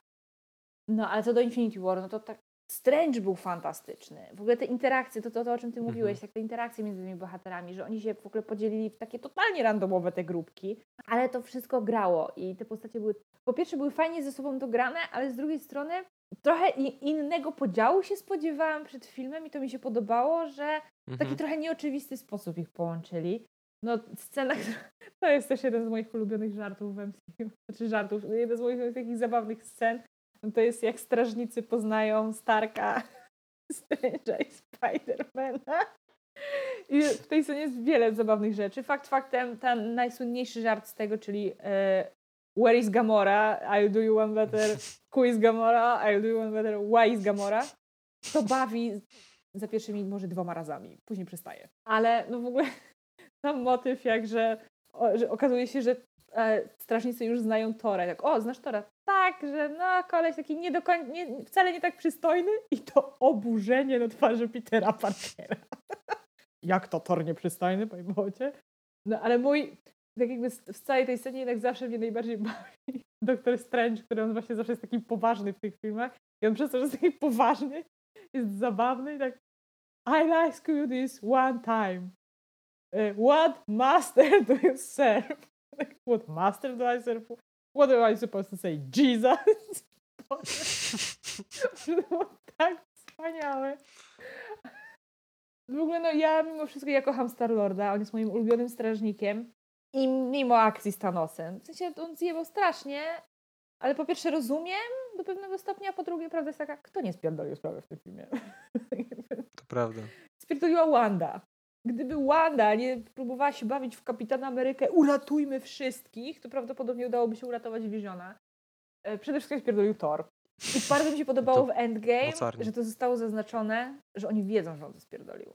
W sensie mhm. jak tam... Wszyscy wiedzą, że spierdolili Tak, tak jak Stark pyta, o to, co się dzieje z Torem, a ten Thor siedzi taki przybity. No i Rocket wtedy mówi, że no ma debrechę, bo twierdzi, że zjebał sprawę. No co zrobił, no ale przecież mu tego nie powiemy. bardzo mi się to podobało. No, to, Thor jest w ogóle przefantastyczny w tym filmie i bardzo mi się podoba to właśnie, jak oni prowadzili tą postać, że nag, że on z tej takiej chujowej i sztampowej i sztywnej postaci stał się tak zajebisty, wzniósł się w ogóle na wyżyny swojej mocy w Ragnaroku, w Infinity War wspina się jeszcze wyżej, tylko po to, żeby upaść. To było coś niesamowitego. Eee, co tam? Co tam jeszcze? Takich, staram się mówić o takich rzeczach, o których ty wcześniej nie mówiłeś, tak żeby się po prostu nie powtarzać. Bardzo, to, co bardzo mnie wzrusza w tym filmie, to jest pokazanie różnych oblicz superbohaterstwa. E, gdzie mamy motyw chęci poświęcenia się dla dobra ogółu, czyli Visiona, gdzie mamy motyw tak jakby tego, że jednak czasami właśnie dla dobra ogółu musisz poświęcić bliską sobie osobę, co naprawdę no, jest trudne, no nie oszukujmy się, wielu z nas potrafiłby, ja na przykład potrafiłabym zabić 15 osób, żeby uratować jedną swoją bliską. Tak już jest. E, no a jednak Wanda no, zdobyła się na coś, na, to, na, na co nie zdobyłaby się większość osób prawdopodobnie. Mhm. E, mamy to, to chyba jest mój, moja ulubiona odmiana z tych, które są pokazane w tym filmie, a raczej spo, tak jakby mój ulubiony sposób pokazania tego. Czyli e, to jest taki trochę odwrotność tego, co zrobiła Wanda, czyli narażanie dobra wielu osób, żeby ratować jedną jednostkę, tak jakby w myśl tego, co e, jak była wymiana zdań między Visionem a Kapitanem Ameryką. Tak jak Vision właśnie chciał się poświęcić, powiedział, że w perspektywie ratowania połowy wszechświata jedno życie nie ma znaczenia. I Ka wtedy powiedział, że ale powinno. I jak oni polecieli do tej Wakandy. I często mnie właśnie osoby, które tam zaczynały, to znaczy zaczynały dopiero pierwszy raz oglądały te filmy Marvela, no mnie pytali, że muszę oglądać Black Panthera, bo chciałbym już, już od razu obejrzeć Infinity War, tak? Czy nie mogę sobie tego Black Panthera zostawić na później? W sumie to ten Black Panther nie jest Bóg wie jak potrzebny do Infinity War, ale właśnie po obejrzeniu Black Panthera tak emoc- bardziej emocjonalnie wybrzmiewa właśnie to, że my po obejrzeniu Black Panthera wiemy, jakimi patriotami byli przecież obywatele Wakandy. Że dla nich ta mhm. Wakanda mhm. to jednak był jakiś tam priorytet i tak dalej, zwłaszcza ta Okoje, która przecież w Black Pantherze sama powiedziała do swojego męża, że dla Wakandy zabiłaby nawet jego. I oni narażali całe swoje państwo tylko po to, żeby ratować Visiona, kolesia, którego nawet nie znali. Jest właśnie scena, jak y, ci ludzie Thanosa, ja nie wiem, czy ta armia miała jakąś nazwę, to takie śmieszne potworki. Tak, ci kosmici się jakoś tam nazywali, już nie pamiętam. No, jak. że tak jakby oni próbowali się przebić przez tą kopułę. No i wtedy chyba, a to wtedy Banner powiedział, że jeżeli oni zaczną ją okrążać, to nie będzie stało nic pomiędzy nimi a Visionem. No oni powiedzieli, że muszą ich w takim razie trzymać prze, przed sobą i Black Panther wtedy kazał otworzyć barierę tą mhm. naprzeciwko nich. I wtedy ten Mbaku powiedział, to jest właśnie wymiana, wymiana zdań między Mbaku i Okoje, jako mówi, że this will be the end of Wakanda. I wtedy ta Okoje mówi takim, takim naprawdę takim głosem, takim pełnym patosu, ale tak pasującym do tego, ten taki, ten taki dobry patos, że tak then it, then it will be the noblest ending in history. Coś wspaniałego. No, podoba mi się to, że właśnie łamanie tego schematu, że no jednak nie wygrali, a tak mało już brakowało. Bardzo mi się podobało to, co kiedyś wykorzystywało bardzo dobrze The Walking Dead. Za czasów, kiedy The Walking Dead było dobre. Czyli to też właśnie takie łamanie schematu na zasadzie takiej, że jeżeli coś jest bardzo długo pokazywane na ekranie, cały wątek się na czymś opiera, no to znaczy, że to do czegoś tam zaprowadzi, tak? Nie wiem, próbują, prze, tak jak w The Walking Dead było, że oni przez pół sezonu próbowali znaleźć i uratować jakąś dziewczynę, więc my wychodziliśmy z założenia, że to w końcu ją uratują, no bo przecież tyle czasu na to poświęcili, tak? Mhm. Tyle czasu ekranowego było e, było na to poświęcone. I oni ostatecznie uratowali w momencie, kiedy ją odzyskali, to laska strzeliła jej w łeb. I to by było na tyle. I tutaj z Visionem to tak zadziałało. Cały wątek przecież, jeden, z- jednej z tych ekip polegał na chronieniu Visiona. Więc my wychodziliśmy z założenia, że okej, w takim razie oni zdążą i Wanda odseparuje go, od, w sensie, że Wanda zniszczy tylko kamień nieskończoności, także Shuri odseparuje kamień od Visiona, a tu jednak not gonna happen, baby. To było zajebiste. Thanos świetnie działał jako złoczyńca, w sensie jak on się pojawia w Wakandzie, to powiało grozą zarówno wśród bohaterów, jak i wśród nas. No i też to, czego nie powiedziałem, czyli Thanos jest e, złoczyńcą przez wielu widzów uważanych za typa, który trochę miał racji. Co rzadko się No ja zdarza. często nie, nie, ja ogólnie nienawidzę tłumów i jak jestem w bardzo zatłoczonych miejscach, to wtedy sobie gadam pod nosem albo, że Thanos miał rację, albo to, to, uwaga, to jest sprawdzony trik, jak ludzie się tłoczą wokół ciebie, na przykład, nie wiem, w metrze, czy, na, y, czy w jakichś tam innych miejscach, to ja zawsze wtedy na głos mówię, marzy mi się stare, dobre ludobójstwo. I nagle ludzie, Ja ludzie odchodzą. kurwa. Działa za każdym razem. Myślałem, że sposobem jest, nie wiem, zrobienie kupy i wysmarowanie się No.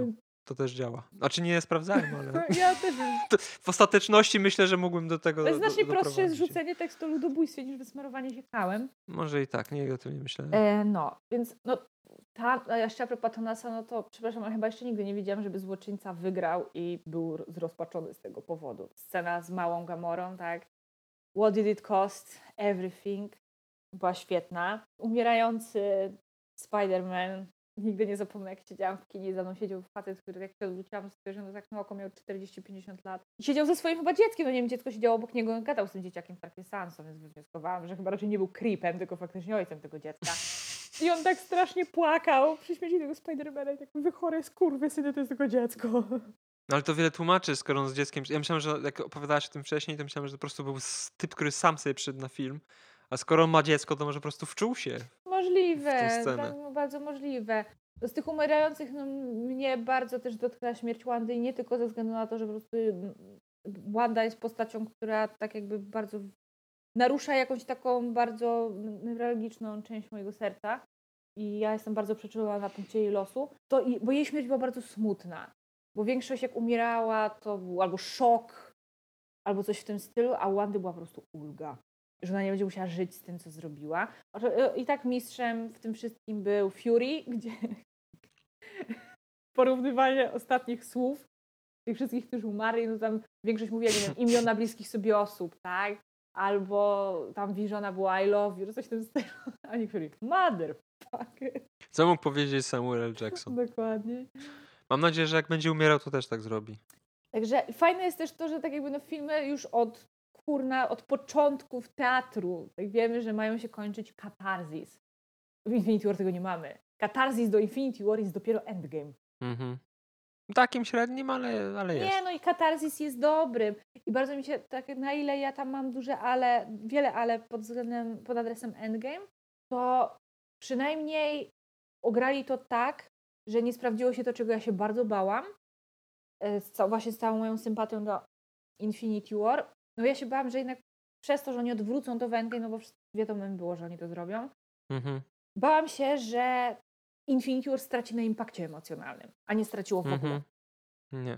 Ale w sumie tak, masz rację. Katarzis jest dobre, tylko droga do tego katarzis jest średnia. Tak, bo no ten akt z podróżami w czasie jest trochę za długi, ale no ja Mhm. jako osoba, która sobie tam lubi właśnie jakieś takie nawiązania, jakieś wspominki i tak dalej, no to mi się też fajnie oglądało.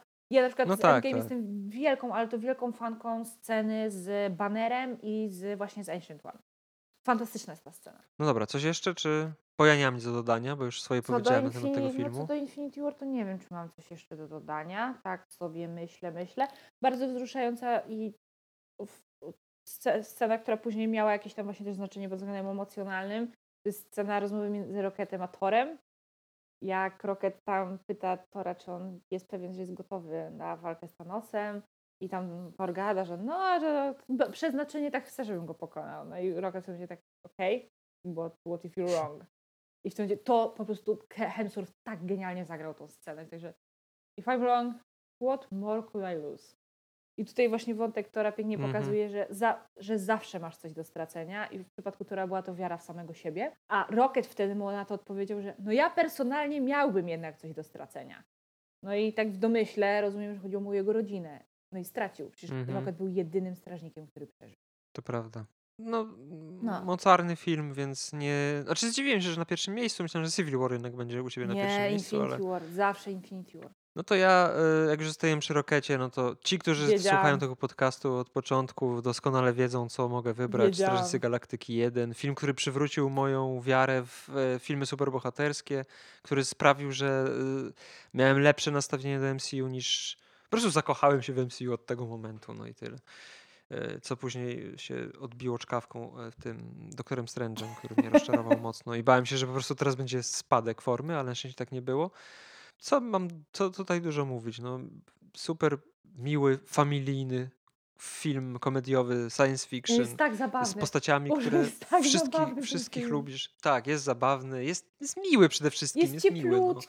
przecież scena z Grootem. Mimo że są pojebaństwa. Raz w życiu Groot mówi coś innego niż I am Groot. Bo mówi we are Groot. Tak. y, Są tam pojebaństwa, może nie takie jak w Suicide Squad, Jak ale jesteśmy przy no. Groocie, to mogę jeszcze tylko wspomnieć jedną w chuj zabawną scenę z Infinity War, która też wiąże Tak. się z no, jedną z moich ul- ulubionych. To jest przede wszystkim najlepsze wejście superbohatera chyba ever.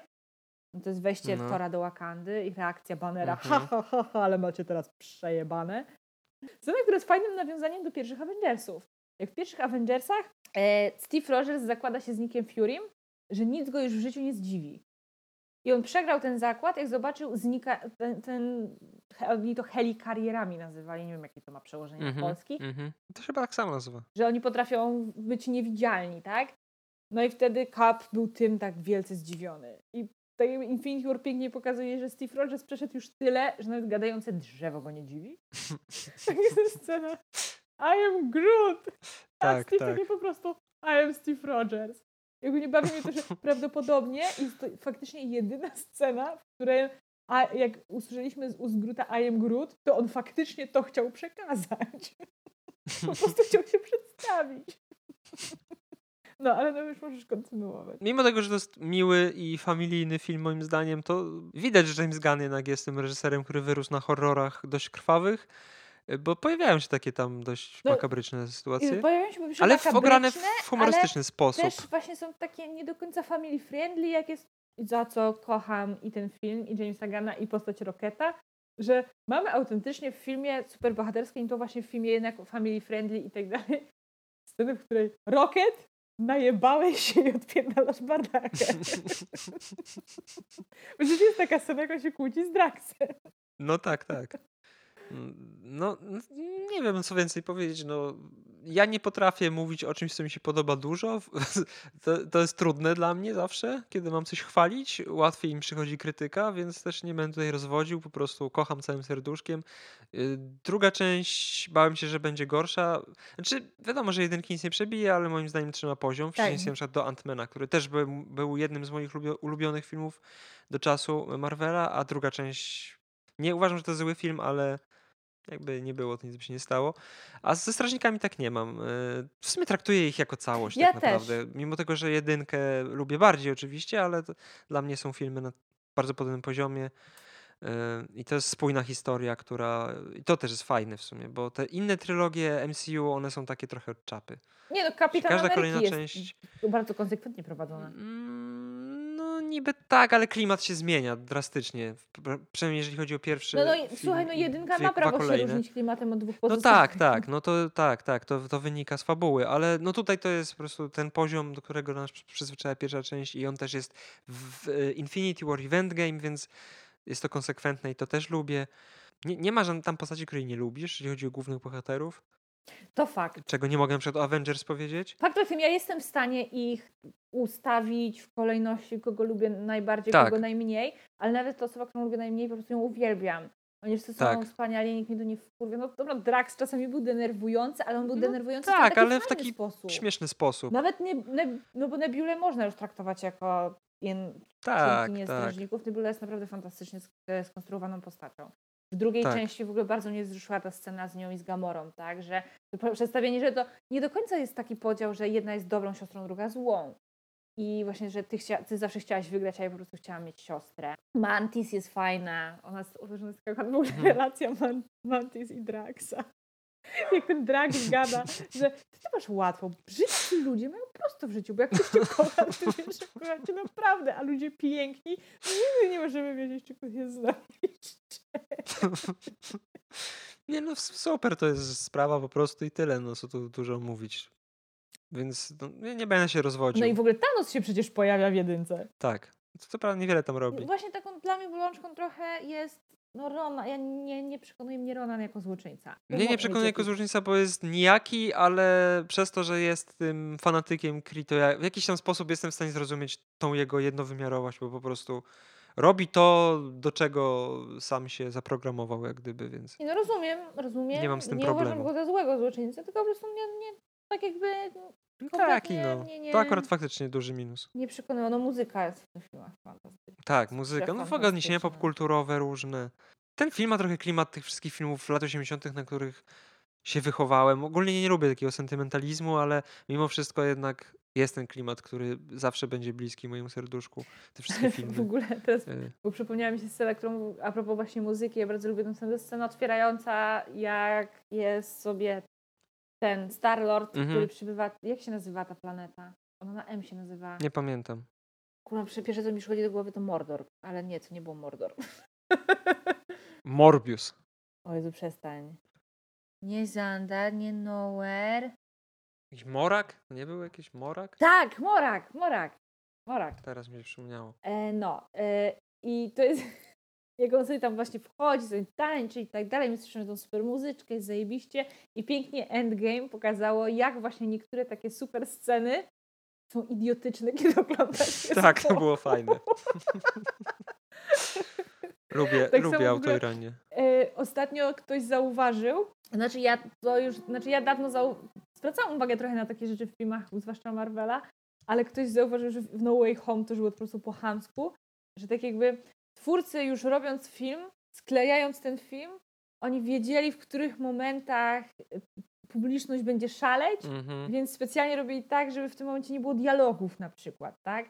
Typu jak jest w Avengers Assemble, to Tak, jest tak. taka, jak oni tam biegną i tak dalej, to w sumie mamy ten taki przestój na krzyki i tak dalej. Tak samo było z podniesieniem młota przez Kapitana Amerykę. Tutaj jeszcze jakoś tak grało. A w No Way Home są te sceny dwie, jak Spider-Mani wychodzą. Tak, to jest takie kółeczek. oczywiste. Po prostu stoi, nie, on tak stoi i przez Czeka. kilka sekund i kompletnie cisza, nic się nie dzieje. Jak w teatrze. Trochę. Także na zasadzie, jak się, jakby, jakby ktoś oglądał ten film po prostu, wiesz, sam w domu jakoś randomowo, to mógłby mieć takiego mindfucka. What? Zajebisty film, zawsze będę kochał. Nawet jak robiłem sobie ten maraton e, filmów Marvela, z tego co pamiętam, mimo tego, że to jest najczęściej oglądany przeze mnie film MCU, to niektóre filmy odpuściłem sobie albo oglądałem ze strzałeczką wciskaną co chwilę, e, a Strażników Galaktyki sobie obejrzałem i tak, bo wiedziałem, że to mi sprawi dużo Ja muszę przyjemności. sobie, właśnie ja muszę sobie odświeżyć, bo od lat tego nie oglądałam. No Ja jedynkę znam na pamięć, więc A mam ochotę na porcję, głup, na porcję głupoty Draxa, także jesteś strasznie wyszczekany. Nigdy nie mów, że szczekam. No, więc tak wygląda nasze zestawienie, y, bardzo długie. Bałem się tego. Trzeba było jednak wprowadzić ten timer. A, a co jest najlepsze? A ja z kolei dzisiaj byłam przekonana, jak tak sobie siedzę, planuję sobie dzień, co mam jeszcze dzisiaj do zrobienia. i Tak, nie no, na luzie, co przecież nie mówić tylko tam po sześć filmów, krótko zwięźle i na temat, a do 21 będę i ten, i Z mogę zacząć czytać książkę o Targaryenach. A mamy 22.13. Mm. Tak bywa. Spodziewałem się tego, ale też myślałem, że pójdzie szybciej. No nic, więc nie przedłużając, y, czekamy na wasze listy. Piszcie w komciach. y, I do usłyszenia za tydzień. Ale zauważ, No, że tylko jeden film nam się pokrył. to prawda, to jest ciekawe. I akurat. to na różnych miejscach. No, to fakt. Ale ja też wiedziałem z tym Ragnarokiem, więc dlatego też go celowo nie wybrałem, żeby nie było, że. No ja mam chyba takie bardziej oczywiste wybory niż ty. Jeżeli chodzi o i te Mm. najgorsze, i te najlepsze. Być może.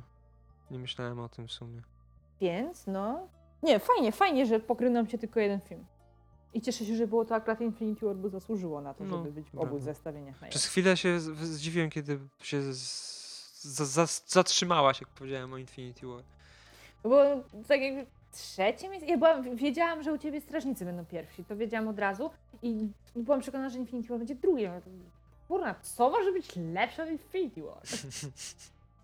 Nie no, Spider-Man bardziej mi się podobał po prostu. W sensie tak ogólnie. Doceniam oba, ale tak y, w przypadku Spider-Mana było po prostu kompletnie y, to podyktowane subiektywnymi odczuciami. No ja zawsze będę wielbić Infinity War za to, że to jest nie tylko film, ale to jest po prostu wydarzenie No i pewnie dlatego, że to jest wydarzenie, to też y, widziałem te wszystkie takie. To jest to, o czym mówiłaś. To jest zatrzy- zatrzymywanie akcji po to, żeby ludzie mogli reagować w kinie. Ja nie bardzo No lubię i- takie przedstawienia. W sensie doceniam je, I też jest to fajne, ale. to, że ten film no nie do końca funkcjonuje jako samodzielny film, tak? No to też fakt.